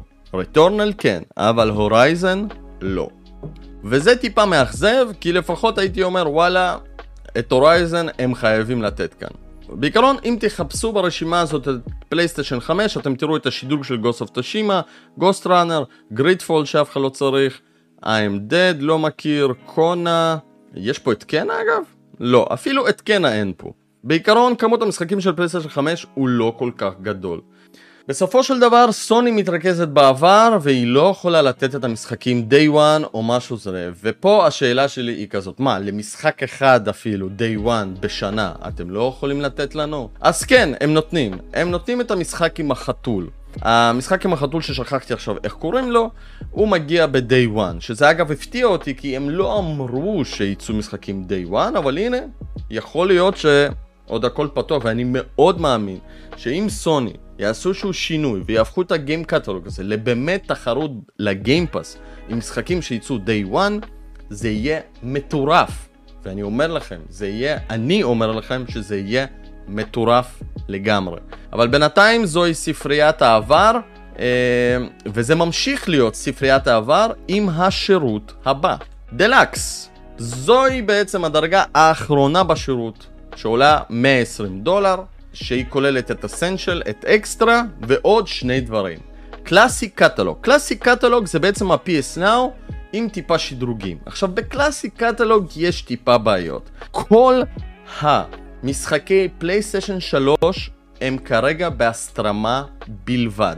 משחקי פלייסטיישן 1 ופלייסטיישן 2 לפעמים אפשר להוריד ואז לשחק מהקונסולה. אבל פלייסטיישן 3 זה בהסטרמה בלבד כי סוני עד היום לא הצליחו לכתוב אמולטור לפלייסטיישן 3 עכשיו מאחורי פלייסטיישן 3 יש באמת סיפור פסיכי מטורף. זוהי קונסולה שסוני כביכול קפצו מעל הפופיק עם CPU custom made על ידי IBM, 8 קורים, מה זה היה? משהו פסיכי לגמרי, היום 8 קורים זה כזה שטויות, 8 קורים בסל ארכיטקטור, משהו מטורף, הקונסולה הגיעה באיחור של שנה אחרי אקסבוקס, אף אחד לא יכל לא רצה ולא הצליח לפתח לקונסולה הזאת, המשחקים רצו פחות טוב מאקסבוקס ורק לקראת סוף הקונסולה הקונסולה הזאת בסופו של דבר עברה במכירות את אקסבוקס, המשחקים התחילו לרוץ הרבה יותר טוב וקיבלנו באמת ספרייה של משחקים מעולה על הקונסולה הזאת.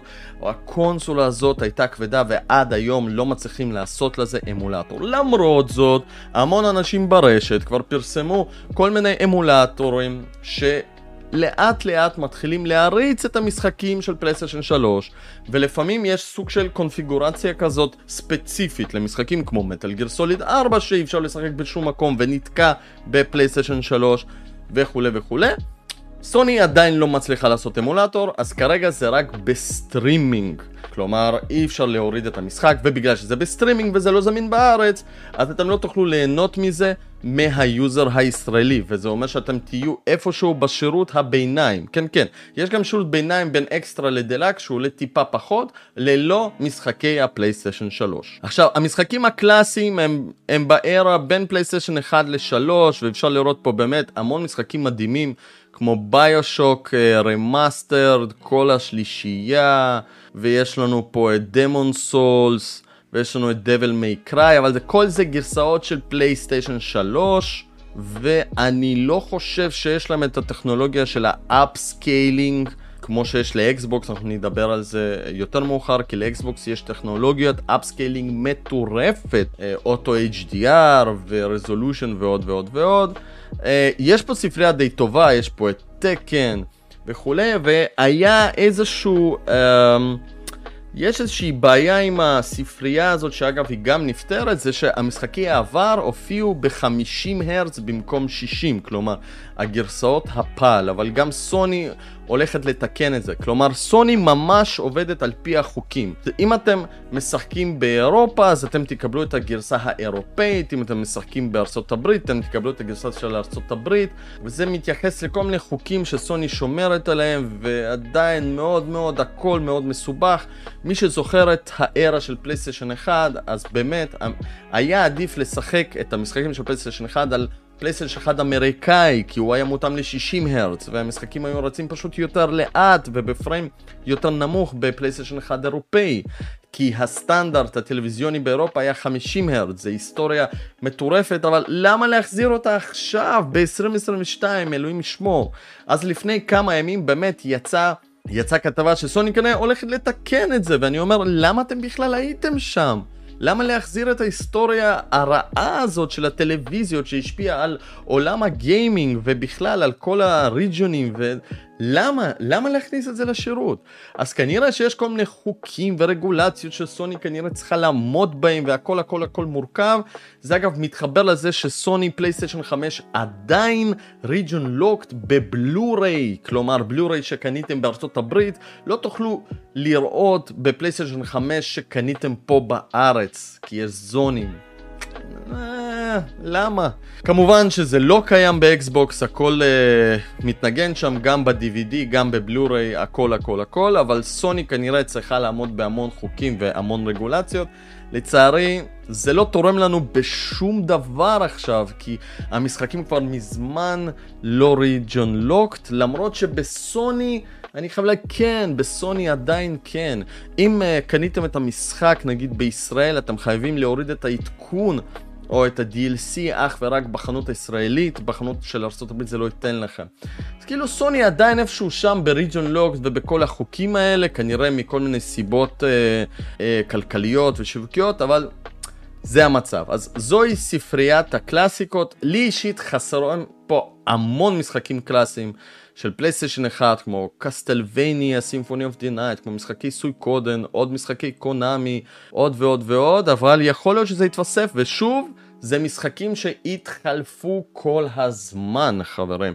הם יתחלפו, וזו ספרייה שהולכת להתחלף, ובסך הכל אני חייב להגיד שיש פה ספרייה ענקית של משחקים. יש פה טיפה חסרונות בשירות הזה. אני לא יכול להגיד שהוא מתחרה בגיימפאס, הוא לא יכול להתחרות בגיימפאס, אבל אני חייב להגיד שסוני הצליחה לעשות איזשהו צעד לכיוון של שירותי גיימינג. אני מבין שבשבילה זה היה ממש ממש קשה, זה לקח לה המון שנים, אבל תכלס, מה שאתם רואים פה, תכלס יכל להיות גם על פלייסטיישן 4. אין פה איזה משהו מטורף. הרי סך הכל אתם מריצים משחקים של פלייסטיישן 5, סבבה, של הדור נוכחי, פלייסטיישן 4, פלייסטיישן 3 בסטרימינג, ופלייסטיישן 1 ו-2, שאין שום בעיה להריץ אותם על פלייסטיישן 4 או Pro. לכן השירות הזה הוא לא איזה משהו שיצא בעקבות ה next gen, אלא לפי דעתי זה פשוט משהו שסוני חשבו שהנה אנחנו כבר חייבים לעשות, אחרת באמת ה Game Pass יאכל לנו את הראש. יש פה ספרייה של קרוב ל-400 משחקים אפילו יכול להיות שטיפה יותר, היא הולכת להתחלף. אני חייב להגיד, זה חלום רטוב למי שלא שיחק בפלייסטיישן 4. האקסטרה מושלם. כלומר, אפשר לקנות את הפלייסטיישן 5, לשים את האקסטרה ותקבלו משחקים איכותיים, אקסקלוסיביים של סוני, שאם לא שיחקתם מ-2014 עד היום, אני אישית, מישהו ששיחק בהם, אני לא רואה פה שום צורך, כי אני חרשתי על פלייסטיישן 4. יש פה אולי משחק אחד שלא שיחקתי, ואתם תהרגו אותי, זה Ghost of Tsushima, אבל סבבה, בשביל משחק אחד אני לא אעשה פה עכשיו את השירות הזה. וכשקניתי את הפלייסטיישן 5, אז כמובן שקניתי את Returnal ו Demon's Souls, שזה משחקים אקסקלוסיביים. אז לא יודע, השירות הזה כרגע לא נותן לי איזה משהו. אה, ואני כרגע לא הולך להירשם עליו, אבל שוב, זה חלום רטוב של כל שחקן גיימינג שפספס את הארה המדהימה של פלייסטיישן 4. משחקים אקסקלוסיביים מדהימים, פשוט מדהימים של סוני, שלאט לאט עוברים ל-PC, אנחנו נדבר גם על זה. עוד משהו ששכחתי להגיד זה שבפלייסטיישן פלוס פרמיום יש את ה-Game Trials, ו-Game Trials זה אחד מהדברים שאומרים, oh my god, אתם נכשלתם בלהביא לנו משחקים חדשים. אז במקום המשחקים החדשים, ה game trial זה בעצם trials למשחקים החדשים. יש שם את ה trial של Horizon Forbidden West, יש שם את ה trials של עוד מספר משחקים כמו סייבר פן, שאגב היה חינמי, אני לא יודע למה, והקטע שה game trials הם, הם, הם זמינים אך ורק לפרימיום. הם לא זמינים לאקסטרה, הם לא זמינים ל Essential, והם בכלל לא זמינים אם אין לכם שום שירות. כלומר, trial זה סוג של דמו, זה כמה שעות ראשונות מהמשחק. כמו שחילקו לנו בסייבר פאן, כמו שחילקו לנו בכל מיני משחקים, כמו שבנינטנדו יש פשוט out of the box. למה צריך להסתיר את זה בפרימיום? אה, כדי שתיקחו את הפרימיום ב-120 דולר לשנה, והנה עוד סיבה. עוד החלטה שיווקית שלפי דעתי בכלל אלוהים ישמור, למה? למה אני צריך trial ל Horizon Forbidden West? למה שלא תיתנו לי את Horizon Forbidden West את המשחק כולו, למה אני צריך את ה trial? כי מה trial הרבה יותר קל לרכוש. לדוגמה, שיחקתי ב trial של Cyberpunk ל next gen, אמרתי וואלה, תקנו את המשחק, נראה טוב, ישר הלכתי וקניתי. trial הוא נותן לך איזושהי גישה. סוני עושה הכל כדי לעודד את הקנייה ואת הצריכה ועוד ועוד. משהו שאותי אישית מאוד עצבן. כי לפי דעתי, אם אתם עושים כבר Game Trials, אז תיתנו את זה לכל השחקנים, ולא רק לפרמיום. זו דעתי האישית. אז בואו נסכם. השירות של Xbox Game Pass נותן לכם משחקים מייקרוסופט exclusive שאפשר לשחק גם במחשב וגם באקסבוקס ב-day one שכרגע המון משחקים נדחו ל-2023. בלי שום קשר לזה אתם מקבלים קרוב ל-12 משחקים בחודש שמתחלפים בין אם זה third party בין אם זה משחקי אינדי מדהימים ואני אומר חבר'ה מדהימים באמת Pass נהפך לשירות של משחקי אינדי מטורף לבין משחקי triple A, יכול להיות שישנים, יכול להיות שחדשים, בסופו של דבר אה, היה גם את Resident Evil 7, יש עדיין את Scarlet Nexus, יש די הרבה משחקים אה, טובים ב Game Pass, חבל על הזמן, וכמובן המייקרוסופט exclusive, פורצה והלו אינפיניט, משחקי אורי המדהימים, אסור לפספס. אחלה. מצד שני, סוני, שלפי דעתי מתרכזת בעבר המדהים והמזהיר, ואני פשוט אומר וואו, כי אני מכיר את העבר של סוני מפלייסטיישן 1, ויש לי ספרייה של משחקים פיזיים פה, חבל הזמן, נותנת את הגישה לספריות. שתי גישות שונות לגמרי בין השירותים, וזה מעולה, כי אי אפשר בעצם להשוות בין השירותים וכל אחד דוחף לאיזשהו כיוון אחר. למי שפספס את העידן של פלייסטיישן 4, אפשר להסתפק באקסטרה, לא חייבים את ה Essentials אם אתם לא רוצים לשחק במשחקים העבר. למי שרוצה משחקים חדשים ויותר מתחבר למייקרוסופט, אז ה Game Pass פשוט אדיר. אני נותן שלוש נקודות לאקסבוקס ונקודה אחת לשירות של פלייסטיישן, כי השירות של פלייסטיישן הגיע באיחור, הוא לא מצליח להתחרות במה שקורה באקסבוקס, למרות זאת הוא נותן ספרייה מדהימה של משחקים אקסקלוסיביים של העבר לחלק מהגיימרים, או אני אגיד לגיימרים הכבדים, לפי דעתי השירות הזה לא רלוונטי, או אולי יהיה רלוונטי בהמשך, אבל שוב, משחקים חדשים לא יגיעו לשם לרוב, חוץ מכמה כנראה, והוא בעיקר מתרכז בעבר. טוב, בואו נדבר על Backward Compatibility.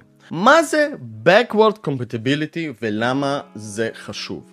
אנחנו נמצאים בעידן של גיימינג ב-2022 כאשר הגיימינג התחיל מתישהו בשנות ה-70, 80, 90, לא משנה, הוא התחיל ממש ממש מזמן ממכונות ארקייד, הקונסולות התחילו מתישהו שם בשנות ה-70 לפי דעתי, תתקנו אותי אם אני טועה, אבל הקונסולה שבאמת עשתה את המהפך היא Nintendo Entertainment System. החלה בשנות ה-80 ומאז הגיימינג התחיל פשוט לצמוח וכולי וכולי וכולי. חלק ידעו שזה אטארי עשתה את המהפך אבל לא משנה עכשיו. כמות המשחקים נצברו ויש המון משחקים איכותיים פשוט משנות ה-80 וה-90 ולפעמים בא לנו לשחק בזה אבל איפה ואיך. אז Backward Compatibility זה איזשהו מושג שאומר האם אני יכול לשחק במשחקים הישנים ודווקא בפלייסטיישן זה ממש ממש רלוונטי. אני אתחיל מהפלייסטיישן בעיקרון. בפלייסטיישן 5 ה-Backward Compatibility הוא עד פלייסטיישן 4 כולל וזהו. כלומר, אם יש לכם דיסקים של פלייסטיישן 3, פלייסטיישן 2, פלייסטיישן 1, אתם תכניסו לפלייסטיישן 5, לא יקרה כלום. פשוט כלום. הוא לא ידע לקרוא אפילו את הדיסק, הוא לא ידע מה לעשות עם זה וכולי. אתם לא יכולים להכניס את הדיסק ולשחק במשחק. בשביל, לדוגמה, ב Metal Gear Solid 4 עד היום אי אפשר לשחק בשום קונסולה, אין לו אפילו remaster וכולי וכולי.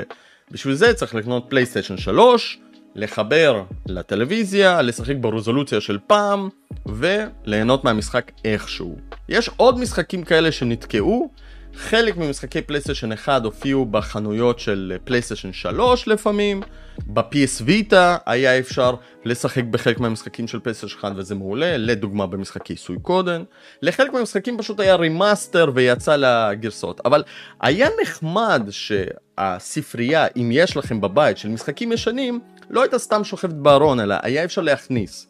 אז בפלייסטיישן 5 אין, ומה שהם עשו כחלק מהשירות של הדלקס זה שיש לכם את האפשרות לשחק במשחק ישן כל עוד יש לכם את השירות. אבל אם כבר עשיתם גישה נגיד למשחק מפלייסטיישן 1 ולא בא לי לשלם את ה-120 דולר על השירות, אני, אני רוצה לבוא ולקנות את המשחק הזה בחנות שלכם פלייסטיישן, אז לא. מופיע לי האייקון של השירות וזהו. כלומר, לדוגמה, המשחק פאנל פנטזי 7 גרסה פלייסטיישן 1 זמין בשירות של הדלקס, אבל לבוא ולקנות אותו בחנות, בגרסה הזאת, ולהוריד, לא אפשרי, לא ניתן, אין חיה כזאת. כלומר, ההיסטוריה של משחקים נעולה בשירות שעולה 120 דולר. וזה עוד טריק שיווקי מטורף שסוני עשתה. כלומר, בואו נסכם, פלייסטיישן 5 יודע לנגן את פלייסטיישן 4, ודרך השירות של הדלקס הוא יודע לנגן חלק מהמשחקים ההיסטוריים של פלייסטיישן 1 ו-2. בנפרד אין מצב, אתם לא יכולים לקנות, אתם לא יכולים להכניס את הדיסק, אתם לא יכולים לשחק, אתם חייבים לשלם 120 דולר. זה ה-Backward Compatibility של פלייסטיישן 5. בואו נעבור עכשיו לאקסבוקס. באקסבוקס, בנובמבר 2021 חגגו 20 שנה לאקסבוקס ועשו פרויקט שהחזיר לחיים קרוב, קרוב ל-70 טייטלים שלא היו מהקונסולות הראשונות, חבר'ה, מהראשונות. כלומר, שתבינו, אקסבוקס גם ככה יצא עם Backward Compatibility כמעט מלא. כלומר, אם יש לכם דיסק, אתם מכניסים, זה יעבוד. חלק מהמשחקים האלה יקבלו, שימו לב, אוטו HDR ו-HDR Enhancement, שזה טכנולוגיה שאקסבוקס פיתחה, שכשאתם מכניסים משחק ישן, הוא מפעיל כל מיני פילטרים, משפר את הרזולוציה, משפר את הצבעים, עושה FPS בוסט למשחקים הישנים, אם פעם הם היו ב-30 FPS, היום הם ב-60, ובום, אתם משחקים במשחק ישן, והוא נראה פחות או יותר סבבה. איפה זה בקונסולות אחרות? כלומר, איפה זה בסוני? איפה זה בנינטנדו? אקסבוקס פשוט עשו את זה. יש לכם ספרייה של משחקים ישנים, לרוב אתם תצליחו לשחק. כמובן לא בכל המשחקים, אבל אתם תצליחו. בנוסף, המשחקים האלה זמינים בחנות, חבר'ה, זה כל כך כל כך פשוט. שימו לב, זוהי רשימה של משחקי אקסבוקס המקוריים, חבר'ה, המקוריים. Star Wars Night The Old Republic, יש לכם פה, לא יודע, Manhunt, Red Dead Revolver, כל מיני משחקים, Morrowind וכולי, Max Payne, בא לכם? שחקו. אגב, רוב המשחקים האלה גם זמינים ב Game Pass בגלל ש... Red Faction, אוקיי? באקסבוקס המקורי יש פה באמת ספרייה די קטנה, אבל אם הולכים ל-360, הספרייה היא ענקית, GT 4, Red Dead Redemption, Metal Gear Rising Revengeance, איך שקוראים לזה. אתם פשוט יכולים לבוא ולקנות את זה בחנות.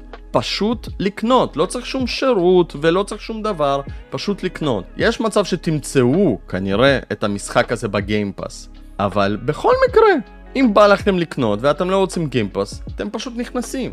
הרי אקסבוקס 360 זה המקביל של פלייסטיישן 3. תראו כמה משחקים פשוט זמינים. ואם יש לכם את הדיסק אתם פשוט תכניסו ותשחקו.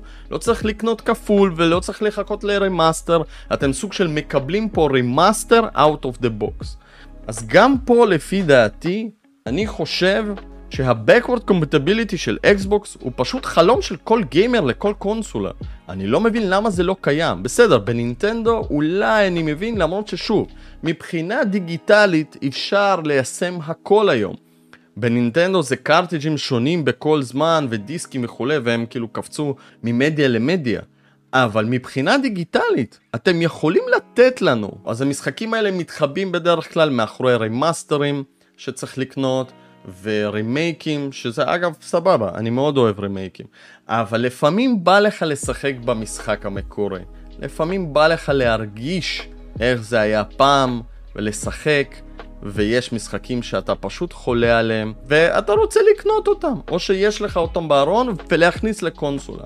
אז אקסבוקס 360 קורא גם CD-ROM ים, שזה משהו שלא קורה בפלייסטיישן 5, ולכן אתם גם יכולים להכניס את הדיסקים של, המשח... של האקסבוקס המקורי הראשון.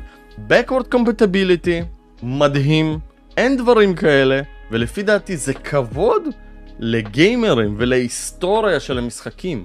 למה אנחנו צריכים כל הזמן לשלם עוד פעם ועוד פעם ועוד פעם על אותם המשחקים? עוד פעם ועוד פעם ועוד פעם על רימאסטרים שלא תמיד טובים, שלא תמיד עשויים טוב, שלפעמים עשויים פחות טוב ממה שהמשחקים האלה רצים באמולטורים. הנה, ספרייה של העבר, ושימו לב, אני מדפדף, יש פה 27 עמודים, וזה רק 360. כמובן שאקסבוקס גם תומך באקסבוקס 1, אפילו אין על מה לדבר, אבל חבר'ה, זה ככה אמור להיות הגיימינג, ככה. אז אם לסכם, לפי דעתי, אני גם הולך לתת פה ציון של 3 ל-1, אקסבוקס 3 נקודות פלייסטיישן 1, כי ה-Backward Compatibility של סוני הוא תחת החלטה שיווקית, הוא לא באמת Backward Compatibility לכל הדורות אחורה. אנחנו נראה מה יהיה בעתיד, יכול להיות שהם יצליחו לעשות את זה. יש שם הרבה בעיות כאשר תכלס, בשבילנו הגיימרים זה אמור להיות די פשוט ונגיש, אפילו שזה עולה כסף. תנו לי לקנות את God of War 1, 2 ו-3. אני רוצה אותם בלי שום קשר לשירות. לא מבין למה לא נותנים לי. בואו נדבר על הביצועים של שתי הקונסולות. אנחנו נדבר על Xbox Series X ועל פלייסטיישן 5, ומה זה בעצם הביצועים והגרפיקה בדור הנוכחי. יש לי המון ביקורת יחסית למה שקורה בדור הזה. כי אני אמרתי uh, שהקונסולות האלה הם outdated day one. כלומר, מבחינתי הן לא רלוונטיות למה שקורה בשוק ואני אנסה להסביר לכם גם למה. שאנחנו מדברים על הדור התשיעי של הקונסולות, כאשר אנחנו חיים בעידן שהטלוויזיות עקפו לגמרי את היכולות של הקונסולות ושל המחשב הביתי שלנו. כלומר, אם אנחנו בטלוויזיות כבר מדברים על טלוויזיות של 8K וכולי, הקונסולות של הדור הנוכחי רצות טוב ב-2K. ולא משנה איזה מדבקה יש לכם על הקופסה של הקונסולה, בין אם זה של פלייסטיישן 5 או של אקסבוקס, של 4K ו-8K, זה שטויות במיץ עגבניות. הקונסולות אכן יודעות להוציא 4K ו-8K, נכון, אבל אתם לא תשחקו את המשחקים של הדור הנוכחי ברזולוציות של 8K, כי זה פשוט לא אפשרי.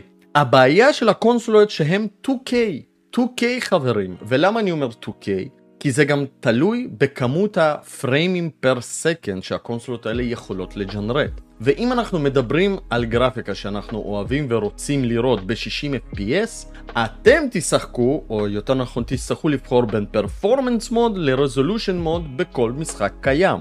מה זה אומר? ה performance mode הוא 60 FPS בגרפיקה שהיא יותר נמוכה ב-4K.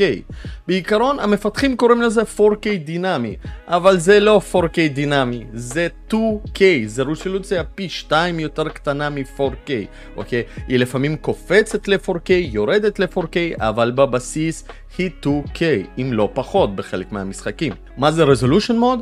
resolution mode זה אותו המשחק, אבל ברזולוציה של 4K native. כלומר, התמונה שמג'ונרטת היא מג'ונרטת ב-4K. אבל, מה הקאץ'? שרוב המשחקים האלה ירוצו לכם ב-30 FPS. עכשיו, למי שלא מעניין בכלל 30 FPS, 60 FPS ומבחינתו זה שקוף לגמרי, אחלה. אל תקשיבו לי, תמשיכו הלאה. אבל אני מת על הדקויות האלה. אני חולה לשחק ב-60 FPS, ולא משנה אם זה משחק אקשן, אם זה משחק RPG, או שזה סתם איזשהו visual novel. אני אוהב 60 FPS. 60 FPS זה תמונה חלקה, זה תמונה הרבה יותר יפה. נכון, יש היום כל מיני שיטות להגיע לסוג של smoothing וכולי, שקיים היום בטלוויזיה, שלפעמים אני באמת משתמש בזה. אבל, לרוב, באקסבוקס Series X ובפלייסטיישן 5 אני משחק ב performance mode שזה אומר 2K 60 FPS ומבחינתי ברגע שנתנו לנו את האופציה הזאת של הרזולושן מוד והפרפורמנס מוד זה ישר מודה על הכישלון של הקונסולות הנוכחיות. עכשיו רבים יבואו ויגידו מה אתה רוצה? דבר ראשון לא אכפת לנו מ-FPS 30 FPS אחלה סבבה? אל תקשיבו לי. דבר שני, יגידו, מה אתה מצפה מקונסולה שעולה 500 דולר? שהם יביאו לנו? אז דבר ראשון, אני לא מצפה לכלום. אני מספר לכם איפה הקונסולות היום נמצאות, הפיתוח של המשחקים, ואיפה הטכנולוגיה של הטלוויזיות. פעם זה אולי טיפה היה הפוך, אם אני צודק. אבל הטלוויזיות הם כבר הלכו מעבר לכל מה שקיים היום. ולג'נרט משחקים ב-4K 60 FPS, במחשב זה אפשרי עם איזשהו כרטיס גרפי כנראה ב-4,000 או 5,000 שקל. ולכן יש המון אנשים שאומרים, מה לעזאזל אתה רוצה? הרי אתה לא יכול לצפות ממכשיר שעולה 500 דולר, שיעשה את זה. מצד אחד, זה נכון. מצד שני, אני אומר, אז מה הקפיצה בעצם? מה ה next gen? מה קיבלנו פה?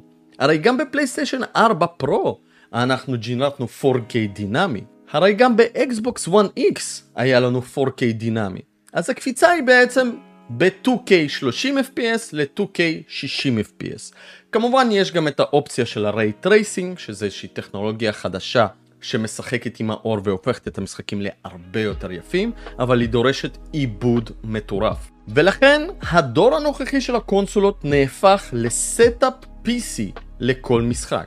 אתם רוצים performance mode עם ray tracing, בלי ray tracing וכולי, אתם יכולים לראות את האופציות האלה ב-GTA, ב-Resident Evil ועוד ועוד ועוד. כלומר, לפני שהשחקן מתחיל לשחק בכלל, אתם מתחילים להתעסק עם ה setup. ואת זה אני לא אוהב, כי אני שחקן של קונסולה, אני לא שחקן של PC. אני לא רוצה להתעסק ב setup. אם הייתי רוצה להתעסק ב setup, הייתי קונה מחשב.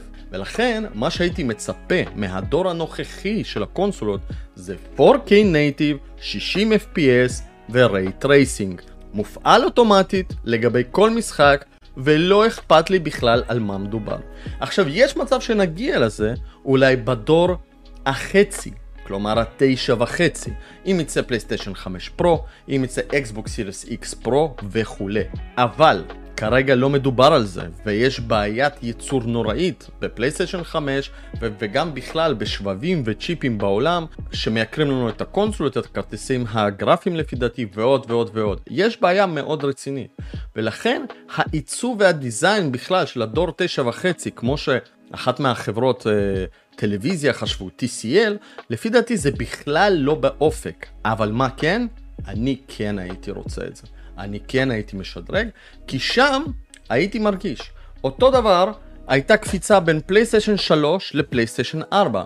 פלייסטיישן 3 היה תמך עד 720p ו-1080i, כלומר Full HD דינמי כזה לפי דעתי, אני לא זוכר עכשיו בדיוק את ההגדרה. כשהגיע פלייסטיישן 4, הוא תמך ב full HD ולפי דעתי גם ב-4K. אבל השיפור הגדול היה זה שהמשחקים רצו ממש ממש טוב ב full HD.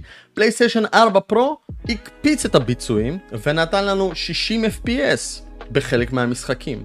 אז כאן הקפיצה היא די קטנה, ולכן מה שאני טוען זה שהקונסולות האלה מבחינת העיבוד ומבחינת היכולת הם פשוט outdated day one. עדיין יש מספר משחקים בודדים שאפשר לשחק ב-4K native. אתם רואים את אחד מהמשחקים האלה פה ב-60 FPS, שזה לפי דעתי Resident Evil 7, ולפי דעתי גם Resident Evil 8 אפשר לשחק בו. אבל זה משחקים בודדים, לרוב. אפילו ב exclusive־ים חברים, תפעילו את דמון סולס, תפעילו את הורייזן, אתם תראו הבדל ענק.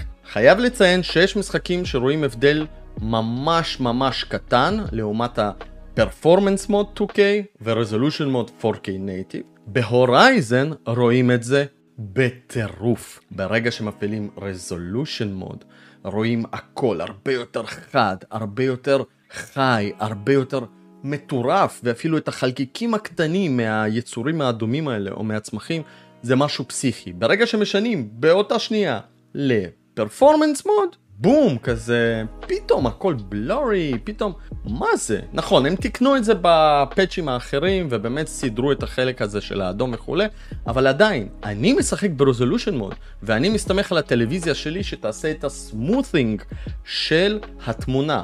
זה לא הפתרון הכי טוב, אבל אני מעדיף את הגרפיקה היפהפייה עם הסמות'ינג של הטלוויזיה.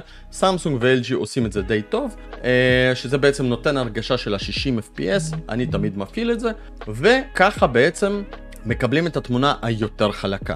יש משחקים שניתן לשחק גם 120 FPS, בקונסולות האלה אתם צריכים את המוניטור שתומך בזה, את הטלוויזיה ש... שתומכת בזה, ויש גם לדוגמה משחקים שרצים 6K ו-8K, אבל שוב, חברים, זה משחקים בודדים, כי הרוב הגדול והפיתוח הג'נרי הולך לכיוון 4K דינמי a.k.a 2K 60 FPS. וככה לדוגמה שיחקתי באלדן רינג, כי ב resolution mode אי אפשר היה לשחק בו, הוא ישר נראה מרוח עם ה-30 FPS. 60 FPS זה לפי דעתי אמור להיות הסטנדרט החדש, והגרפיקה שצריכה להיות זה 4K native, ואין מנוס מזה. זה מבחינתי יכל להיות ה next gen, ובגלל זה אני גם לא כל כך מרגיש את השדרוג. לגבי ההשוואה בין הקונסולות, בעיקרון בואו נשים את הדברים על השולחן. המשחקים שהם third party הם בערך זהים בגרפיקה בין פלייסטיישן 5 לאקסבוקס סירייס X.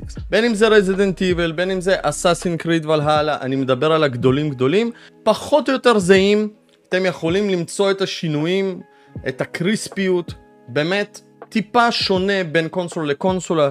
ממליץ לכם לבדוק את דיגיטל פאונדרי, אתר שפשוט מכסח את הצורה לכל המשחקים ועושה את כל הדברים האלה בטירוף. אם זה מעניין אתכם, חפשו שם. ההבדלים הם באמת טיפה שונים, הצל נופל בצורה אחרת, הפנים נראים טיפה שונים, אבל בגדול המשחקים נראים אותו דבר.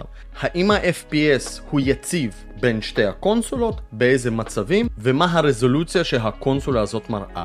מבחינה גרפית, המשחקים הם בדרך כלל זהים, בדרך כלל. יש כמה יוצאי דופן וכולי. יש כאלה שרצים יותר טוב על אקסבוקס, יש כאלה שרצים פחות טוב על אקסבוקס ויותר טוב על פלייסטיישן 5. בגדול אבל, third party הם ככה. אנחנו תכף גם נדבר על הזמני טעינה וכולי. המשחקים האקסקלוסיביים של סוני רצים פצצה.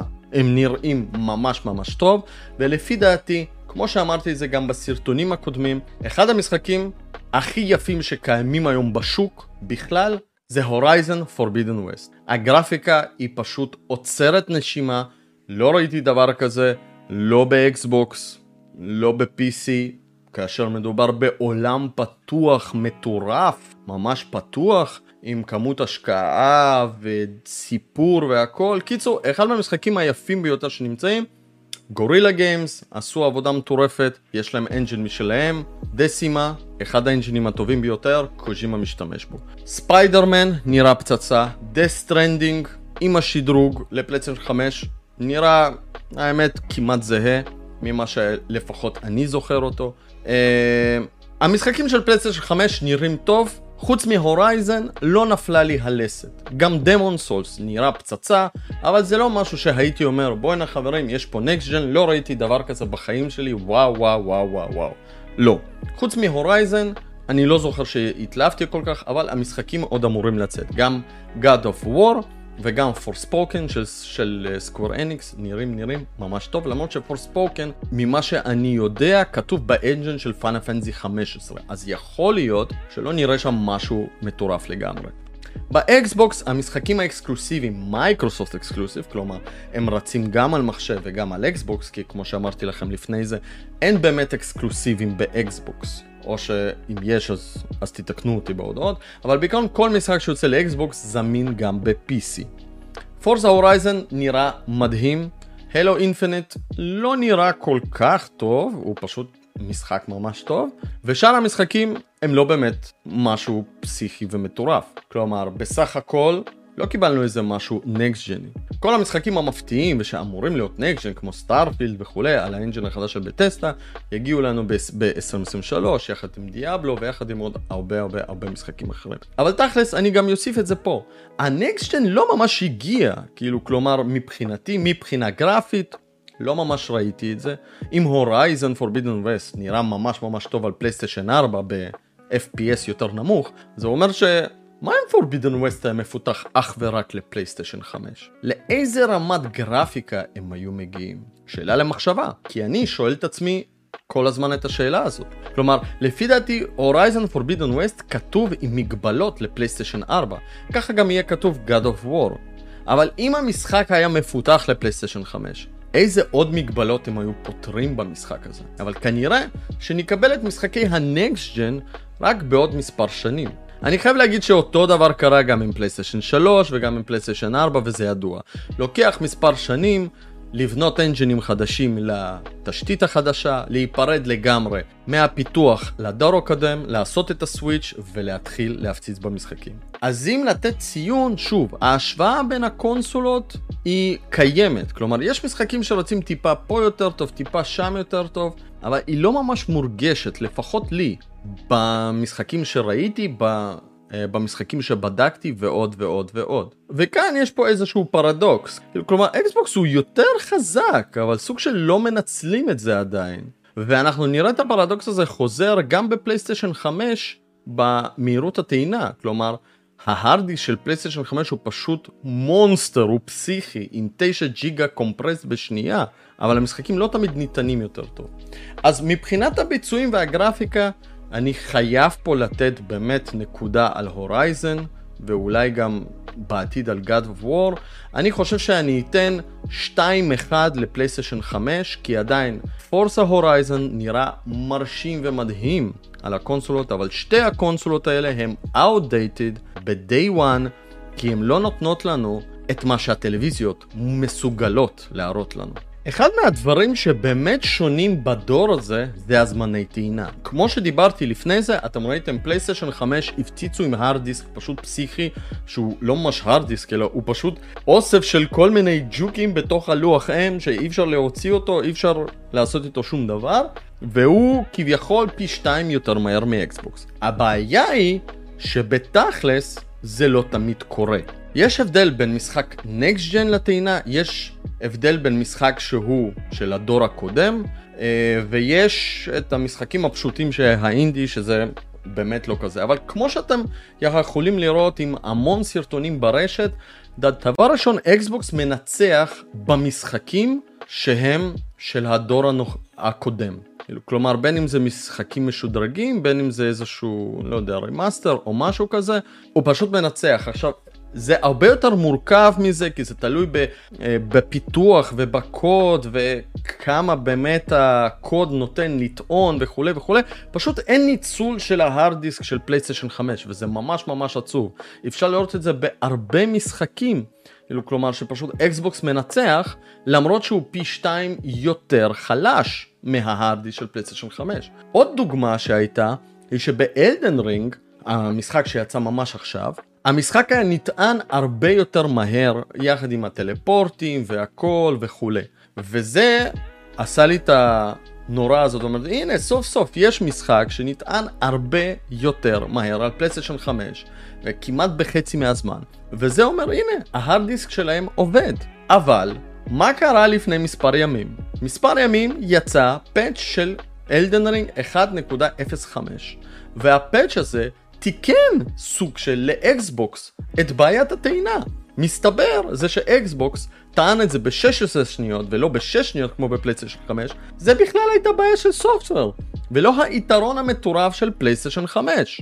אז פה עלו לי המון שאלות. איפה ההארד דיסק של סוני שהוא הרבה יותר מהיר? זה הארד דיסק מטורף, פסיכי, הוא פי 2 יותר מהיר מה...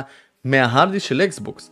אז כמובן שכנראה שצריך לכתוב בשבילו משהו ספציפי, וכנראה שגם אם התוצאות האלה שאנחנו רואים עכשיו על המסך, זה לא אומר שזה יישאר ככה לתמיד. יכול להיות שבהמשך יוציאו איזשהו פאץ' וזה ייתן הרבה יותר מהר על הפלייסטיישן 5. אבל העובדה שזה לא out of the box וזה לא עומד בקריטריונים של יש לי hard disk יותר מהיר, אז אנחנו טוענים את כל המשחקים הרבה יותר מהר, זה לא עובד פה. צריך להתייחס להארד דיסק הזה, כנראה צריך לפתח בשבילו, צריך באמת לשאוב את היכולת הזאת לתוך המשחק, וזה לא עובד. זה לא עובד בכל המשחקים. או שהחברות מתאלצות לעשות את זה, או, או שיש שם איזה משהו שצריך לקחת בחשבון, וזה דורש המון עבודה, ואולי זה לא שווה מבחינה כלכלית לאותה חברה. הבעיה שלי לא נטען יותר מהר מאקסבוקס, אחלה, בסדר, נסלח, אבל למה זה נטען יותר לאט מאקסבוקס? זו כבר שאלה הרבה יותר מעניינת. עכשיו גם לזה יש כל מיני תשובות. יכול להיות שהאקסבוקס יותר דומה לארכיטקטורה של ה-PC וחלק מהמשחקים האלה פותחו ל-PC ולכן העבירו את ההגדרות לאקסבוקס וכולי וכולי. אבל יש פה איזושהי בעייתיות. כי אם out of the box אנחנו לא מקבלים את זה, אז זה אומר שאנחנו צריכים לחכות איזשהו פאץ' בכל משחק. וכל משחק יהיה שונה. אין לנו בעצם שום ביטחון שהפלייסטיישן 5 באמת יהיה יותר מהיר. איפה אנחנו כן נראה אותו יותר מהיר? אנחנו נראה אותו יותר מהיר במשחקים האקסקלוסיביים. העניין הוא שאת המשחקים האקסקלוסיביים אין כל כך למה להשוות. כלומר יהיה, יותר נכון למחשב. אבל בסופו של דבר, אני כן רואה שיש המון המון המון הורדה של ה loading, גם באקסבוקס Series X, גם בפלייסטיישן 5. אפשר להרגיש את זה ולראות את זה. ראיתי את זה ב Returnal, ראיתי את זה ב Demon's Souls, ראיתי את זה בספיידרמן שכמעט אין אין אין בכלל loading, והכיוון הוא באמת ללכת לכיוון שאין loading בכלל. עכשיו בסרטון מאחורה אתם יכולים לראות שהאקסבוקס נטען יותר מהר, עולה יותר מהר מהפלייסטיישן 5 וכולי וכולי, זה באמת ככה, הוא גם יוצא מהסליפ יותר מהר, הוא גם נכנס הרבה יותר מהר לכל מיני משחקים, לא יודע, משהו שם עשוי טוב, יכול להיות שעם הזמן פלייסטיישן אה, יתקנו את זה, אולי לא יתקנו את זה, אולי זה גם לא כזה משנה. אבל בגלל שהסרטון הזה יורד לפרטי פרטים, היה לי חשוב להדגיש שלצערי, עם ההארד דיסק המטורף של סוני, אני לא רואה שהפוטנציאל של הדבר הזה כבר פתוח. כלומר, אני רואה שלפי דעתי כל חברה צריכה לעשות עבודה בשביל להתייחס להארד דיסק הזה. ומה שמאוד מפתיע אותי, ושוב אני אגיד את זה, זה שחלק מהמשחקים נטענים יותר מהר על אקסבוקס, וזה ממש מוזר לי. כלומר, גם אם יש לכם הארד דיסק יותר חזק פי 2, אז לפחות שיהיה את אותם הזמנים, נכון? לא. אז הכל בקוד חברים, הכל בקוד. אני אתן את הציון אחד לכל קונסולה, כי אני חושב שכל קונסולה עושה את זה בדרך מעולה. אני לא רואה פה באמת ניצחון מוחץ של פלייסטיישן 5, אני לא רואה פה ניצחון מוחץ של אקסבוק סיריוס X, ולכן אני אתן תיקו לשתי הקונסולות. עכשיו אנחנו נדבר על כל מיני פיצ'רים של כל קונסולה בנפרד, ונראה נחלק את הנקודות על כל פיצ'ר בנפרד ונראה באמת מי מהקונסולות יותר יותר מגניבה מכל מיני פיצ'רים. אז דבר ראשון, אחד מהפיצ'רים החזקים ביותר של פלייסטיישן 5 זה הקימפרוס חברים. כלומר, הפלייסטיישן 5 מגיע עם storage יותר קטן, אנחנו כבר דיברנו על זה בעבר, כלומר באקסבוקס יש 800 ג'יגה פנוי, בפלייסטיישן 5 יש 600 וקצת ג'יגה פנוי. אבל סוני משתמשת בשיטת קימפרוס למשחקים וזה משהו חדש שלא היה לפני זה, לאקסבוקס אין דבר כזה. זוהי רק אחת מהרשימות שתמצאו באינטרנט ואתם יכולים לראות. Control כמעט ב-50% יותר קטן, Hitman 61 מול 77, Subnautica פשוט חצי מהגודל. יש משחקים שמקומפרסים יותר, יש משחקים שמקומפרסים פחות. למה זה חשוב?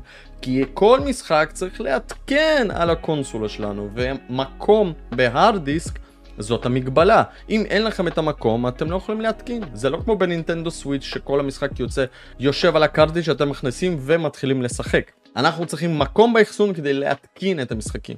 אז בעיקרון, כל המשחקים האלה, סתם לדוגמה, 608 ג'יגה באקסבוקס לעומת 430 ג'יגה בפלייסטיישן 5. זה מטורף, כלומר הקימפרוס פה ממש משנה. עכשיו זה לא בכל המשחקים, ולפי דעתי גם ב Resident Evil 8 ראינו... אה, גרסה מקומפרסת לפלייסטיישן 5, אה, אבל המשחקים יותר קטנים בפלייסטיישן 5. וזה טיפה טיפה טיפה משפר את ההרגשה למרות שהקונסולה מגיעה עם הארד דיסק יותר קטן. אז פה כמובן נקודה לפלייסטיישן 5 אין על מה לדבר בכלל. עוד משהו שהייתי רוצה לדבר עליו גם בהקשר של סוני זה הטרופי הנטרס. זה משהו גדול שהתחיל מתישהו, אני לא זוכר, פלייסטיישן 4 או פלייסטיישן 3. זה בעצם achievements, משהו שאתם אוספים תוך כדי שאתם משחקים במשחק. עשיתם איזושהי משימה, סיימתם את המשחק, אספתם את כל המטבעות במשחק הזה, קבלו גביע. יש לכם ברונז, יש לכם סילבר, יש לכם גולד. אם אספתם את כל הגביעים האלה במשחק, אתם מקבלים את הפלטינום. וכמה פעמים שאני שומע, אלוהים ישמור, אחי, על מה אתה מדבר? יש לי פלטינום במשחק הזה, כאילו, מי אתה בכלל? ואני כלא טרופי הנטר, אני כזה יושב בפינה ואני כזה... אה, אין לי פלטינום, מה אני עושה? מה אני עושה עכשיו? איזה פחד. אז טרופי זה משהו שהתחיל בסוני, התחזק ממש, קיבל איזשהו מעמד בעולם הגיימינג. אם יש לכם פלטינומס, אתם נחשבים לגיימרים רציניים, איכותיים, כאלה שמשקיעים. לדוגמה, כדי לקבל פלטינום באלדן רינג צריך לסיים את המשחק עם כל הסופים. כלומר, שלוש פעמים, או למצוא איזושהי שיטה לעשות את זה. אבל בעיקרון, כדי לקבל פלטינום במשחק זה לא כזה תמיד פשוט. ויש אתרים שלמים סביב זה, יש לי אפילו פרק על זה בערוץ, חבר'ה, לינק יהיה מתחת לסרטון, עם אה, דייב אדרי הגדול מרקס. יש אתרים שפשוט מספרים לכם איזה משחקים זה פשוט לעשות פלטינום, איזה משחקים זה קשה לעשות פלטינום, ואז בכל משחק איך לעשות את הפלטינום. ויש כאלה אנשים שמשחקים במשחקים כדי לעשות את הפלטינום. יש גיידים לפלטינום, מה צריך לעשות לפני, מה צריך לעשות אחרי, איזה גביע לקחת, איזה לא לקחת וכולי וכולי וכולי. יש משחקים שיותר פשוט, יש משחקים שיותר קשה, אבל פלטינום זה נהפך לבאמת מושג בעולם של סוני. ופה אני רוצה לתת אפילו שתי נקודות לסוני על זה שהיא בנתה איזושהי קהילה מטורפת סביב המשחקים, כלומר, יש אנשים שמשחקים במשחק הזה. לפעמים זה הורס ולפעמים זה לא הורס, אבל ההרגשה לעשות את הפלטינום הזה היא כל כך חשובה, שהיא אפילו יותר חשובה מלסיים את המשחק. אני משחק כדי לסיים את המשחק האמת, ואפילו לפעמים אני לא משחק. אבל אנשים מסיימים את המשחק ולא פעם אחת כדי להגיע לפלטינום. וזה מופיע לכם ביוזר שלכם בסוני, אי אפשר להעביר את זה לשום מקום, ואז זה מחזיק אתכם בתוך הבועה הזאת של סוני. שמאוד מאוד קשה לעזור. אז פה אני נותן שתי נקודות על היצירה בכלל של רעיון, עד כמה שזה גם מושרש בתוך הגיימינג של סוני. בפלייסטיישן 5 זה בכלל כל כך כל כך מסיבי בתפריטים של המשחק, בתפריט של המערכת ההפעלה, כלומר trophies, trophies, trophies, זה אחד הדברים החשובים ביותר. מה יש באקסבוקס? באקסבוקס יש achievements. מה זה achievements? אף אחד לא יודע, לאף אחד לא אכפת ואף אחד לא עושה את זה. Achievements קיימים גם ב Steam, באיזשהו שם אחר, אני בטוח גם ב GOG, אולי בכל, בכל החנויות הגיימינג, אולי בסטים זה טיפה יותר מפורסם, אני לא יודע, אבל הפלטינום של סוני, אלוהים ישמור, יש לזה שם. ופה אני נותן 2-0 לסוני, כי זה באמת משהו שעשה את הקהילה. אני לא שייך לזה, אולי לצערי, אני לא יודע, אבל זה משהו שמחזק את ה... קהילה של הגיימרים ובנה איזושהי תת קהילה שפשוט רודפת אחרי פלטינומס. בואו נדבר על האקו סיסטם. מה זה eco system? Eco system זה ה vision של החברה, איך אתם מתחילים לשחק, מתחילים בנקודה אחת, מסיימים בנקודה שנייה, כאשר בעצם אתם לא עוזבים את ה gaming הזה בכלל. בגדול, כן, זוהי בעצם מערכת של gaming שבה החברה רוצה שתמשיכו לשחק כמה שיותר. אז ה eco system של אקסבוקס היא די מטורפת. כלומר, אם אתם מתקינים את הגיימפאס, אתם יכולים להתחיל לשחק במחשב, לעבור אחר כך עם אותו הסייף לקונסולה שנמצאת בחדר אחר, במקום אחר, במדינה אחרת. כשאתם יוצאים החוצה אתם ממשיכים לשחק על המובייל או על הטאבלט שלכם או על הלפטופ וככה אתם בעצם מחוברים כל הזמן למשחק שלכם ולא עוזבים אותו לגמרי. עכשיו, בעיקרון זה די מטורף. כמובן שכשאתם משחקים בפלאפון, אתם מחוברים ל cloud שלא זמין בארץ, אבל השירות הזה אני מקווה מתישהו כן יגיע לארץ ויהיה לנו זמין. המון מהמשחקים כבר זמינים ב cloud, וזה מטורף לגמרי. רק תחשבו על זה שהניידות של סוויץ' יכולה להיות עם המשחקים של אקסבוקס. עכשיו נכון, זה לא ממש מדויק, כי עדיין אתם תהיו תלויים באינטרנט, באותו המקום או בווי-פיי, אבל עדיין זה איזושהי אפשרות ואופציה לקחת ולהמשיך לשחק עם הפלאפון שלכם במקום הבא שאתם הולכים אליו. אז ה eco system של אקסבוקס הוא מטורף. בנוסף לזה יש גם את ה-remote play, שזה בעצם התחברות מהפלאפון שלכם, ישירות לקונסולה ולשחק בעצם את המשחק כאשר הקונסולה מופעלת מרחוק ומשדרת לפלאפון שלכם את המסך של האקסבוקס. אפשר לעשות את זה גם על הלפטופים וכולי וכולי. זה כן זמין, זה עובד וזה די מגניב. זה גם זמין בפלייסטיישן 5 ואפילו בפלייסטיישן 4. יש להם את ה remote play משלהם, למרות שהיו לי טיפה בעיות איתו, ובאקסבוקס זה רץ הרבה יותר טוב, אבל בפלייסטיישן 5 זה גם שופר. לסוני אין באמת איזשהו eco system כזה, שבו אתם יכולים להתחיל לשחק בפלייסטיישן, להמשיך במחשב, לעבור למובייל וכולי. אם אני טועה, תקנו אותי בבקשה, אבל ממה שלפחות אני קראתי וראיתי וממה שלפחות אני יודע, לא. את ה-PS Now באמת היה אפשר להתקין על המחשב ולשחק בו, את זה אני כן יודע, אבל כמשהו של eco system כזה שה save שלכם עובר איתכם לכל המכשירים הבאים, אין את זה.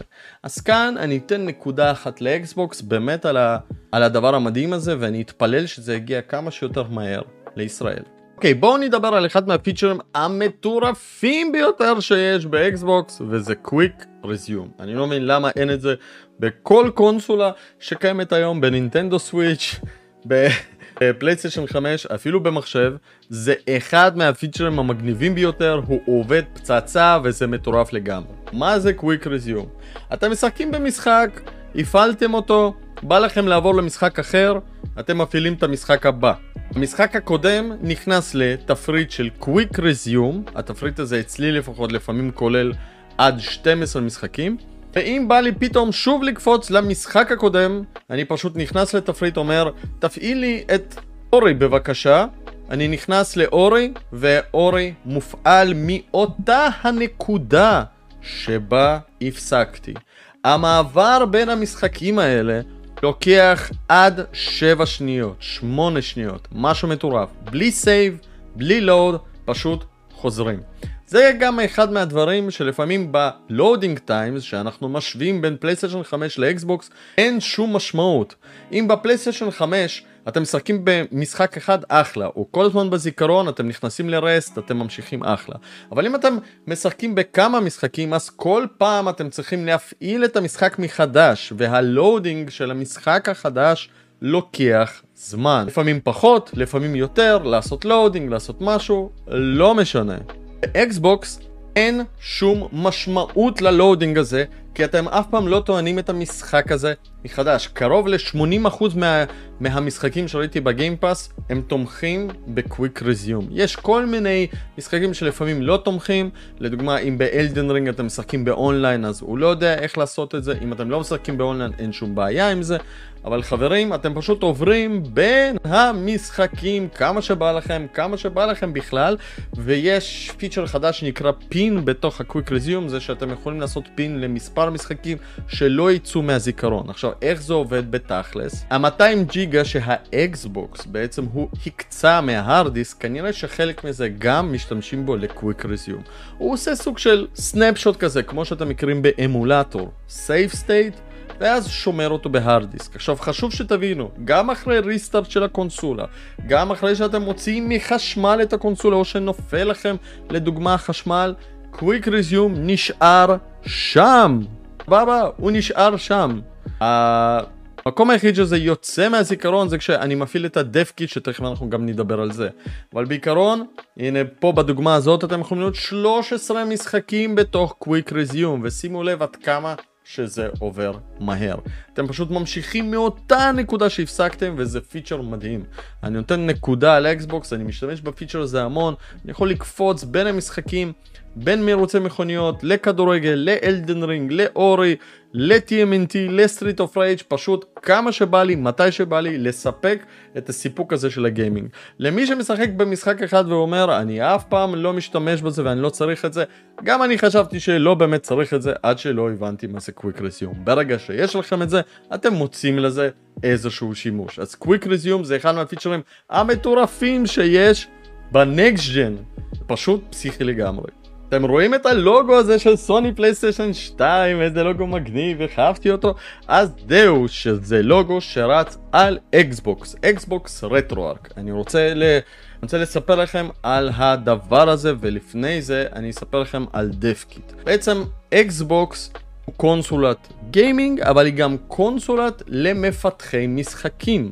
יש לכם אפליקציה שנקראת DevKit בתוך האקסבוקס, אתם יכולים להוריד ואז להפעיל. מה שקורה זה שבעצם הקונסולה נכנסת למצב של פיתוח ונותנת לכם את האופציה להעתיק את המשחק שפיתחתם מהמחשב או מאיזשהו engine לתוך האקסבוקס ולבדוק אותו. אקסבוקס Series X ואקסבוקס Series S זה רלוונטי לשניהם, הם בעצם קונסולות לבדיקת משחקים, הם ה test consoles. אם אתם זוכרים בפלייסטיישן 1 היה את הפלייסטיישן השחור לפיתוח המשחקים ולבדיקה, בפלייסטיישן 2 היה את הפלייסטיישן 2 טסט או משהו כזה, אז אקסבוקס זה out of the box, זה משהו פסיכי מטורף.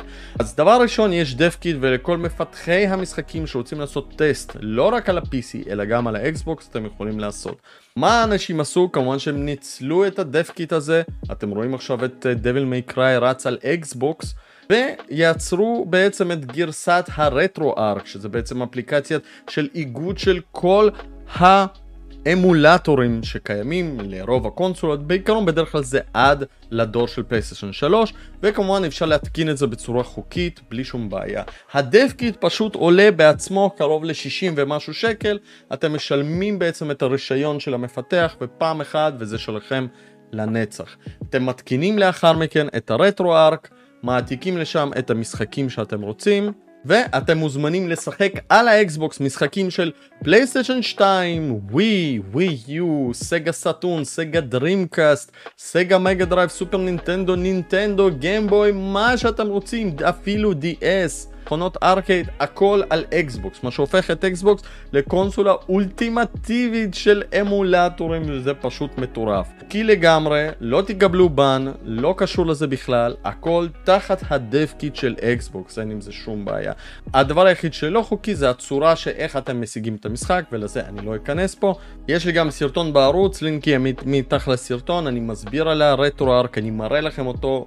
כיף, אני משחק שם אפילו את מריו גלקסי 2 של ווי ועוד כל מיני משחקים נהדרים, אני משתמש בזה בתדירות מאוד גבוהה למשחקים של פלייסטיישן 1 שאני מאוד אוהב, שמאוד קשה להשיג אותם, וקיצור, חברים, זה מדהים, חבל הזמן, אין דברים כאלה.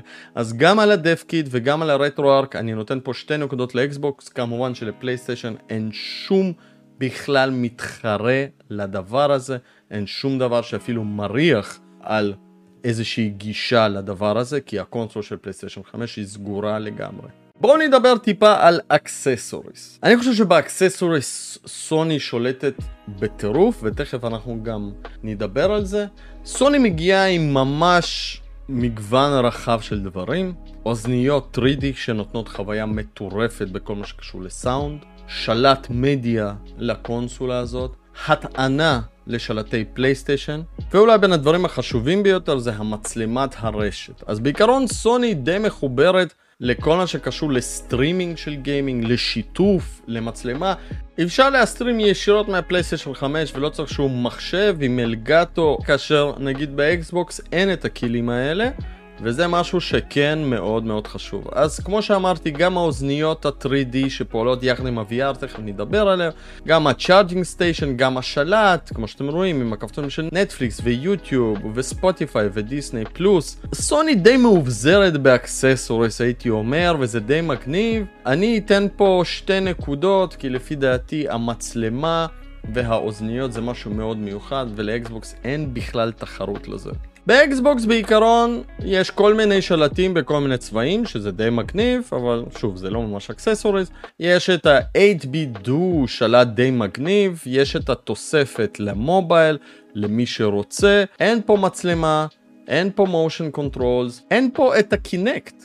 לאן נעלם ה Kinect? מה זה היה כזה גרוע אקסבוקס לגמרי ירדו מכל הנושא של ה Kinect ו Move ומצלמה ופשוט השאירו את הקונסולה הזאת די ריקה מ accessories. עכשיו, אני חושב שאני יודע מה הראש של אקסבוקס, כי אקסבוקס אך ורק מתרכזת בשירות שלה ולפי דעתי איפשהו מזניחה את כל מה שהולך מסביב, אנחנו גם תכף נדבר על ה-VR, זה משהו מאוד מעניין. אה, אז לאקסבוקס אין כל כך accessories out of the box רשמיים, אני בטוח שיש בעיקרון כל מיני third party, אבל ההשוואה כאן היא מה אקסבוקס מציעה, מה מייקרוסופט מציעה.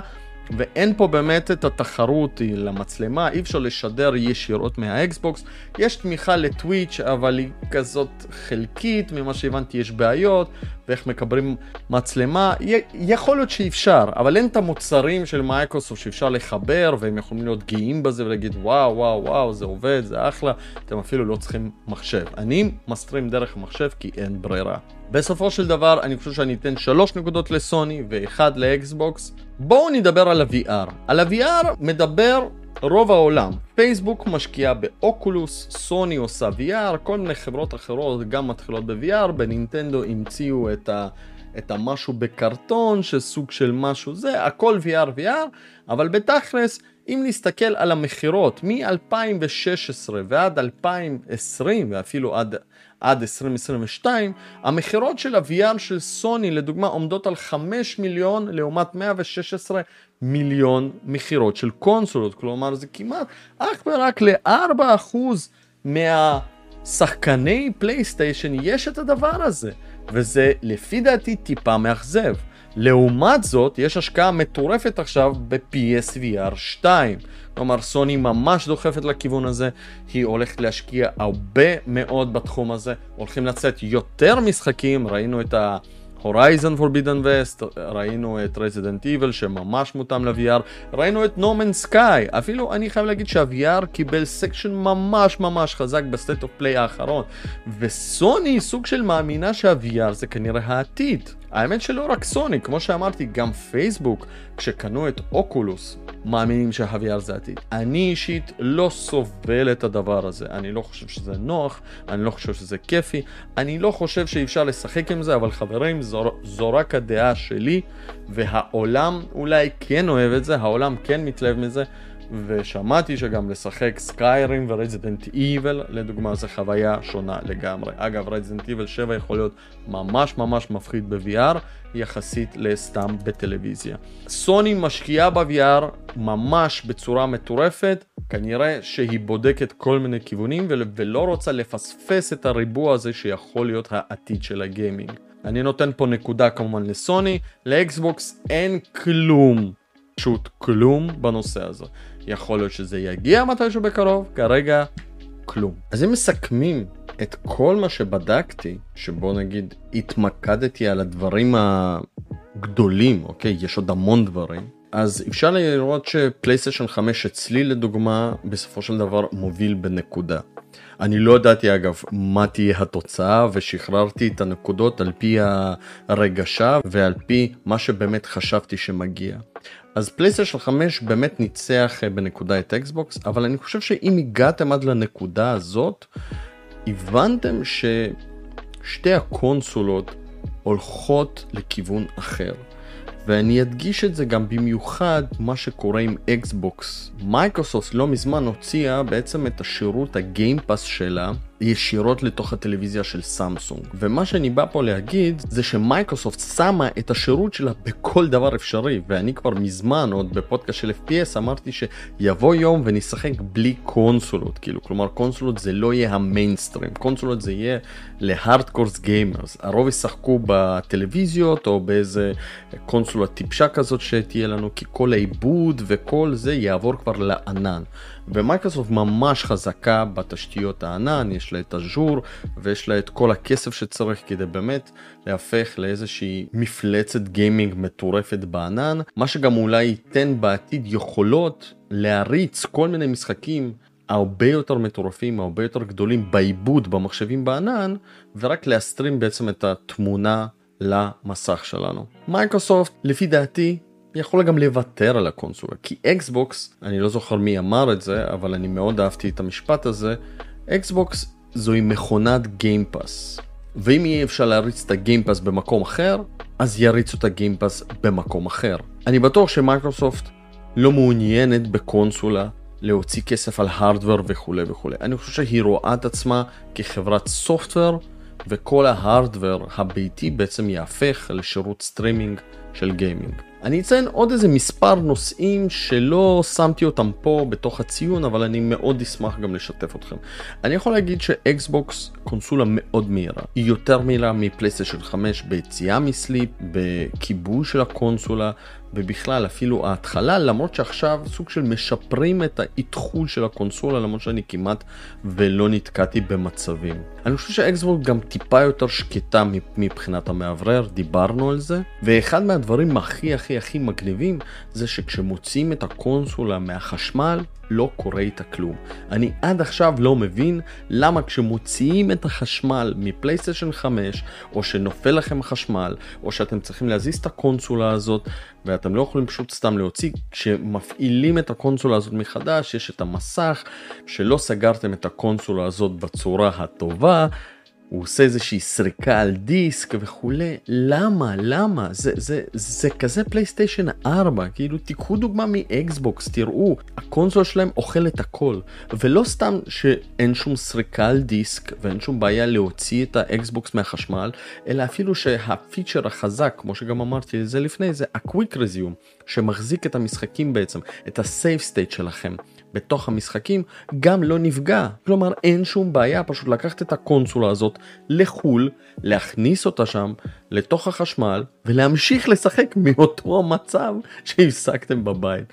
זה פסיכי לגמרי, מטורף לגמרי. עוד יתרון של ה-Quick Resume, אני לא בטוח אם ציינתי אותו, אבל ה-Quick Resume בעצם מונע מכם לראות את כל ה-loading של המשחק ההתחלתי אם הוא קיים. לדוגמה, יש משחקים שלוקח להפעיל את המשחק המון זמן ואז אין loading, אבל גם ה-loading הזה, לדוגמה, הוא נחסך מכם, כי אם המשחק כל הזמן ב-Quick Resume יחד עם המשחקים האחרים, אז אתם לא מפעילים את המשחק כל פעם מחדש. לעומת זה בסוני, כשאתם עוברים ממשחק למשחק, אז כל פעם אתם רואים את המסך הטעינה. אז אלה הם התוצאות, בואו נמשיך. די סיכמנו פה המון, העלינו המון נושאים, המון דברים, יכול להיות ששכחתי משהו, תגידו לי, אני אתעדכן, אבל אני רוצה לסכם. דבר ראשון, אני רוצה להגיד שהקונסולות הזאת נראות כמו פלא טכנולוגי אחרי שהתעסקתי עם מחשב קרוב לשלושה חודשים. כלומר, התעסקתי עם PC, חוויתי את ה-PC gaming, הבנתי שזה לא בשבילי, אני לא רוצה להתעסק עם setup של מחשבים ועם הגדרות של המשחקים ועם הגדרות של הווינדו ואיך זה עובד ולחבר את המחשב לטלוויזיה זה לא כזה פשוט וצריך לדעת איך לעשות את זה ועוד ועוד ועוד ועוד ועוד ועוד ועוד המון דברים. עברתי לאקסבוקס ואז ראיתי שבקופסה הקטנה הזאת וגם פלייסטיישן שהיא בקופסה די לא גדולה אנחנו מקבלים פשוט באמת פלא טכנולוגי כאשר ה-PC שלי הוא איזשהו מלבן כזה ענקי שיושב מתחת לשולחן עם כרטיס מסך בגודל של כל האקסבוקס שלי. אז בקופסאות הקטנות האלה של אקסבוקס ו- ופלייסטיישן 5 יש לנו גם מעבדים חזקים גם זיכרונות, גם מערכות קירור, גם מאווררים וכולי. יש לנו גם hard דיסקים, יש לנו לוח אם שאין לי מושג איך הם עשו אותו והחביאו אותו, כי אקסבוקס הוא פשוט באמת משהו מוזר. כלומר, יש שם באמת design וארכיטקטורה של קונסולה ברמה מטורפת. הלוואי והמחשבים, ה-PCים היו נראים ככה קטנים וחמודים ושקטים. אגב, שכחתי להגיד, אבל אקסבוקס ופלייסטיישן 5 שקטים ברמות יחסית לשדה התעופה של פלייסטיישן 4. עוד משהו שאני אגיד, ה-value for money כאן הוא מטורף.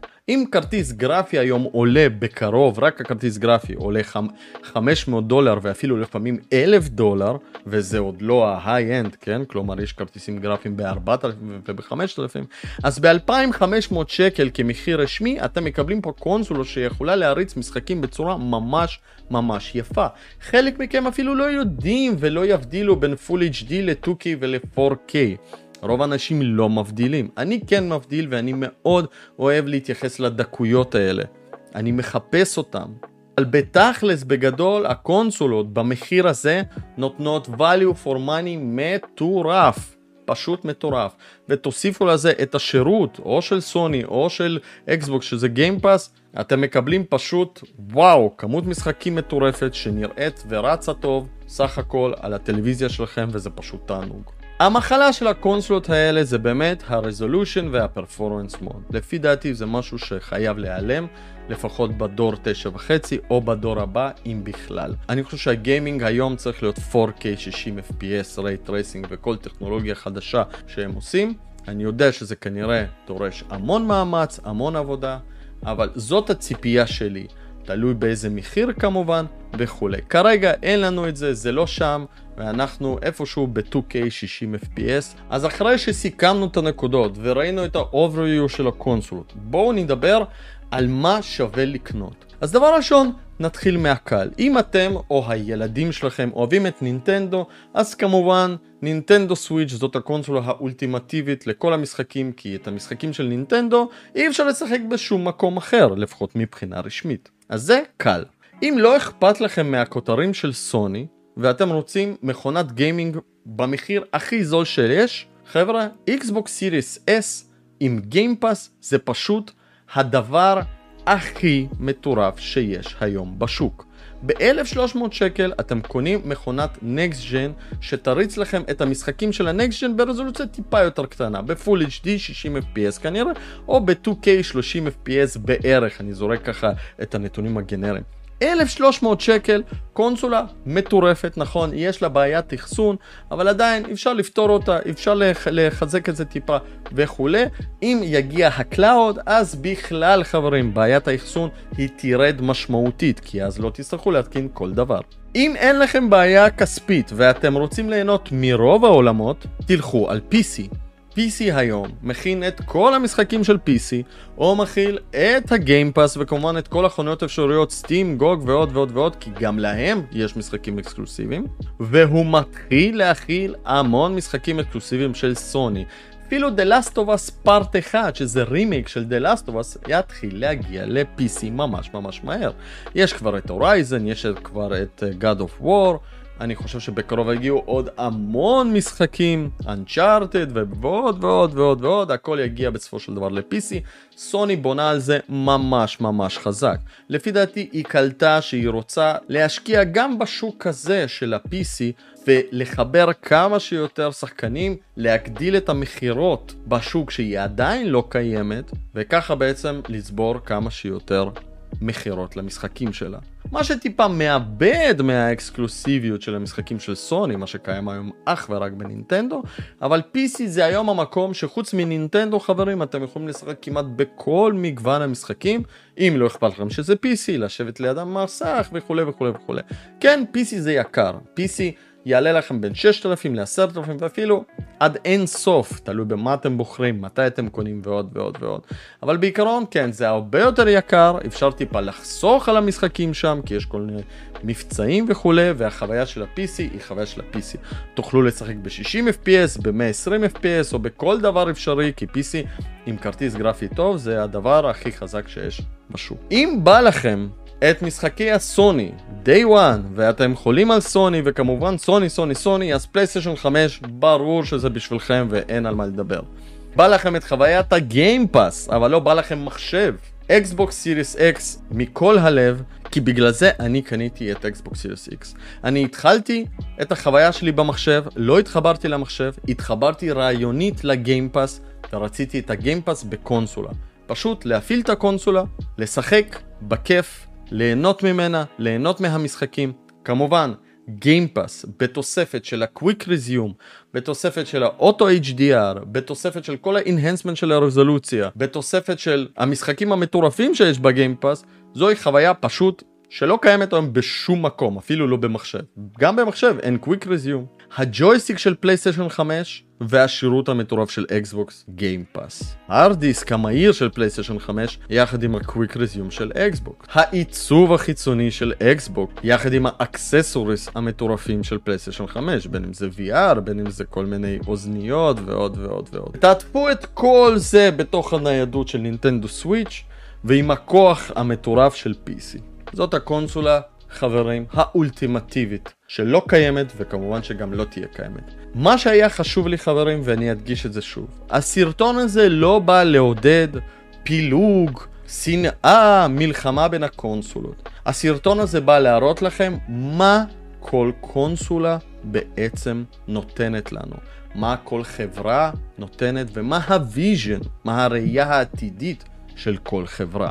אני מקווה שהבנתם ששתי הקונסולות שונות לגמרי בקונספט. מייקרוסופט הולכת חזק על השירות של Game Pass ומנסה לחזק אותו כמה שיותר. אנחנו נראה משחקים מאוד מאוד גדולים מגיעים ב-2023. סוני הולכת רוחבית על הכל, VR, accessories, סטרימינג, trophies ועוד ועוד ועוד, כל מיני דברים שממש ייחודים לסוני, והיא נאלצה, ואני מרגיש את זה ככה, לעשות שירות חדש, כי היא לא ממש רצתה עכשיו כרגע להתעסק עם זה. לפי דעתי, וזו דעתי האישית, העתיד של הגיימינג הוא בשירות. וברגע שראינו את ה Game Pass, אני לא רואה איך אפשר לחזור בחזרה. אותו דבר קרה בצריכה של הסדרות והסרטים עם הנטפליקס. ברגע שהגיע נטפליקס, אי אפשר כבר ללכת אחורה.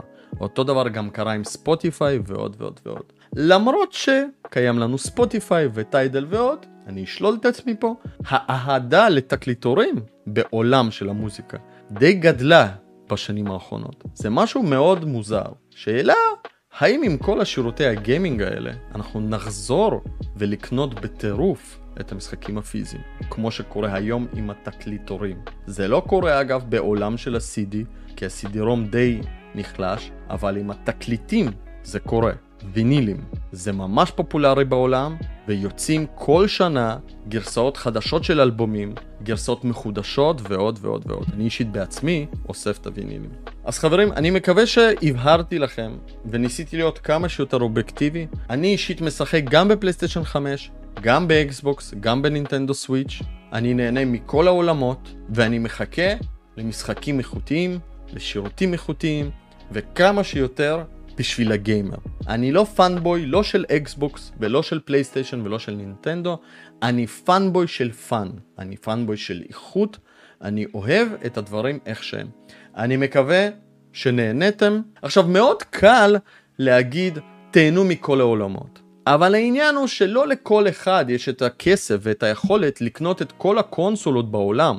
ולכן, אני חושב שזה מאוד חשוב להבין מה קונים, בין אם זה לכם, בין אם זה לילד שלכם ועוד ועוד ועוד. זאת המטרה של הסרטון, להבין מה כל קונסולה מציגה לנו. וכמובן, למי שיש את האופציה לקנות את הכל, זה הטירוף. ליהנות מהאקסקלוסיבים של סוני, ליהנות מה Game Pass של אקסבוקס, חלום. תודה רבה שהייתם איתנו, שימו לנו לייק, תעשו לנו subscribe ונתראה בסרטונים הבאים, יאללה בלאגן!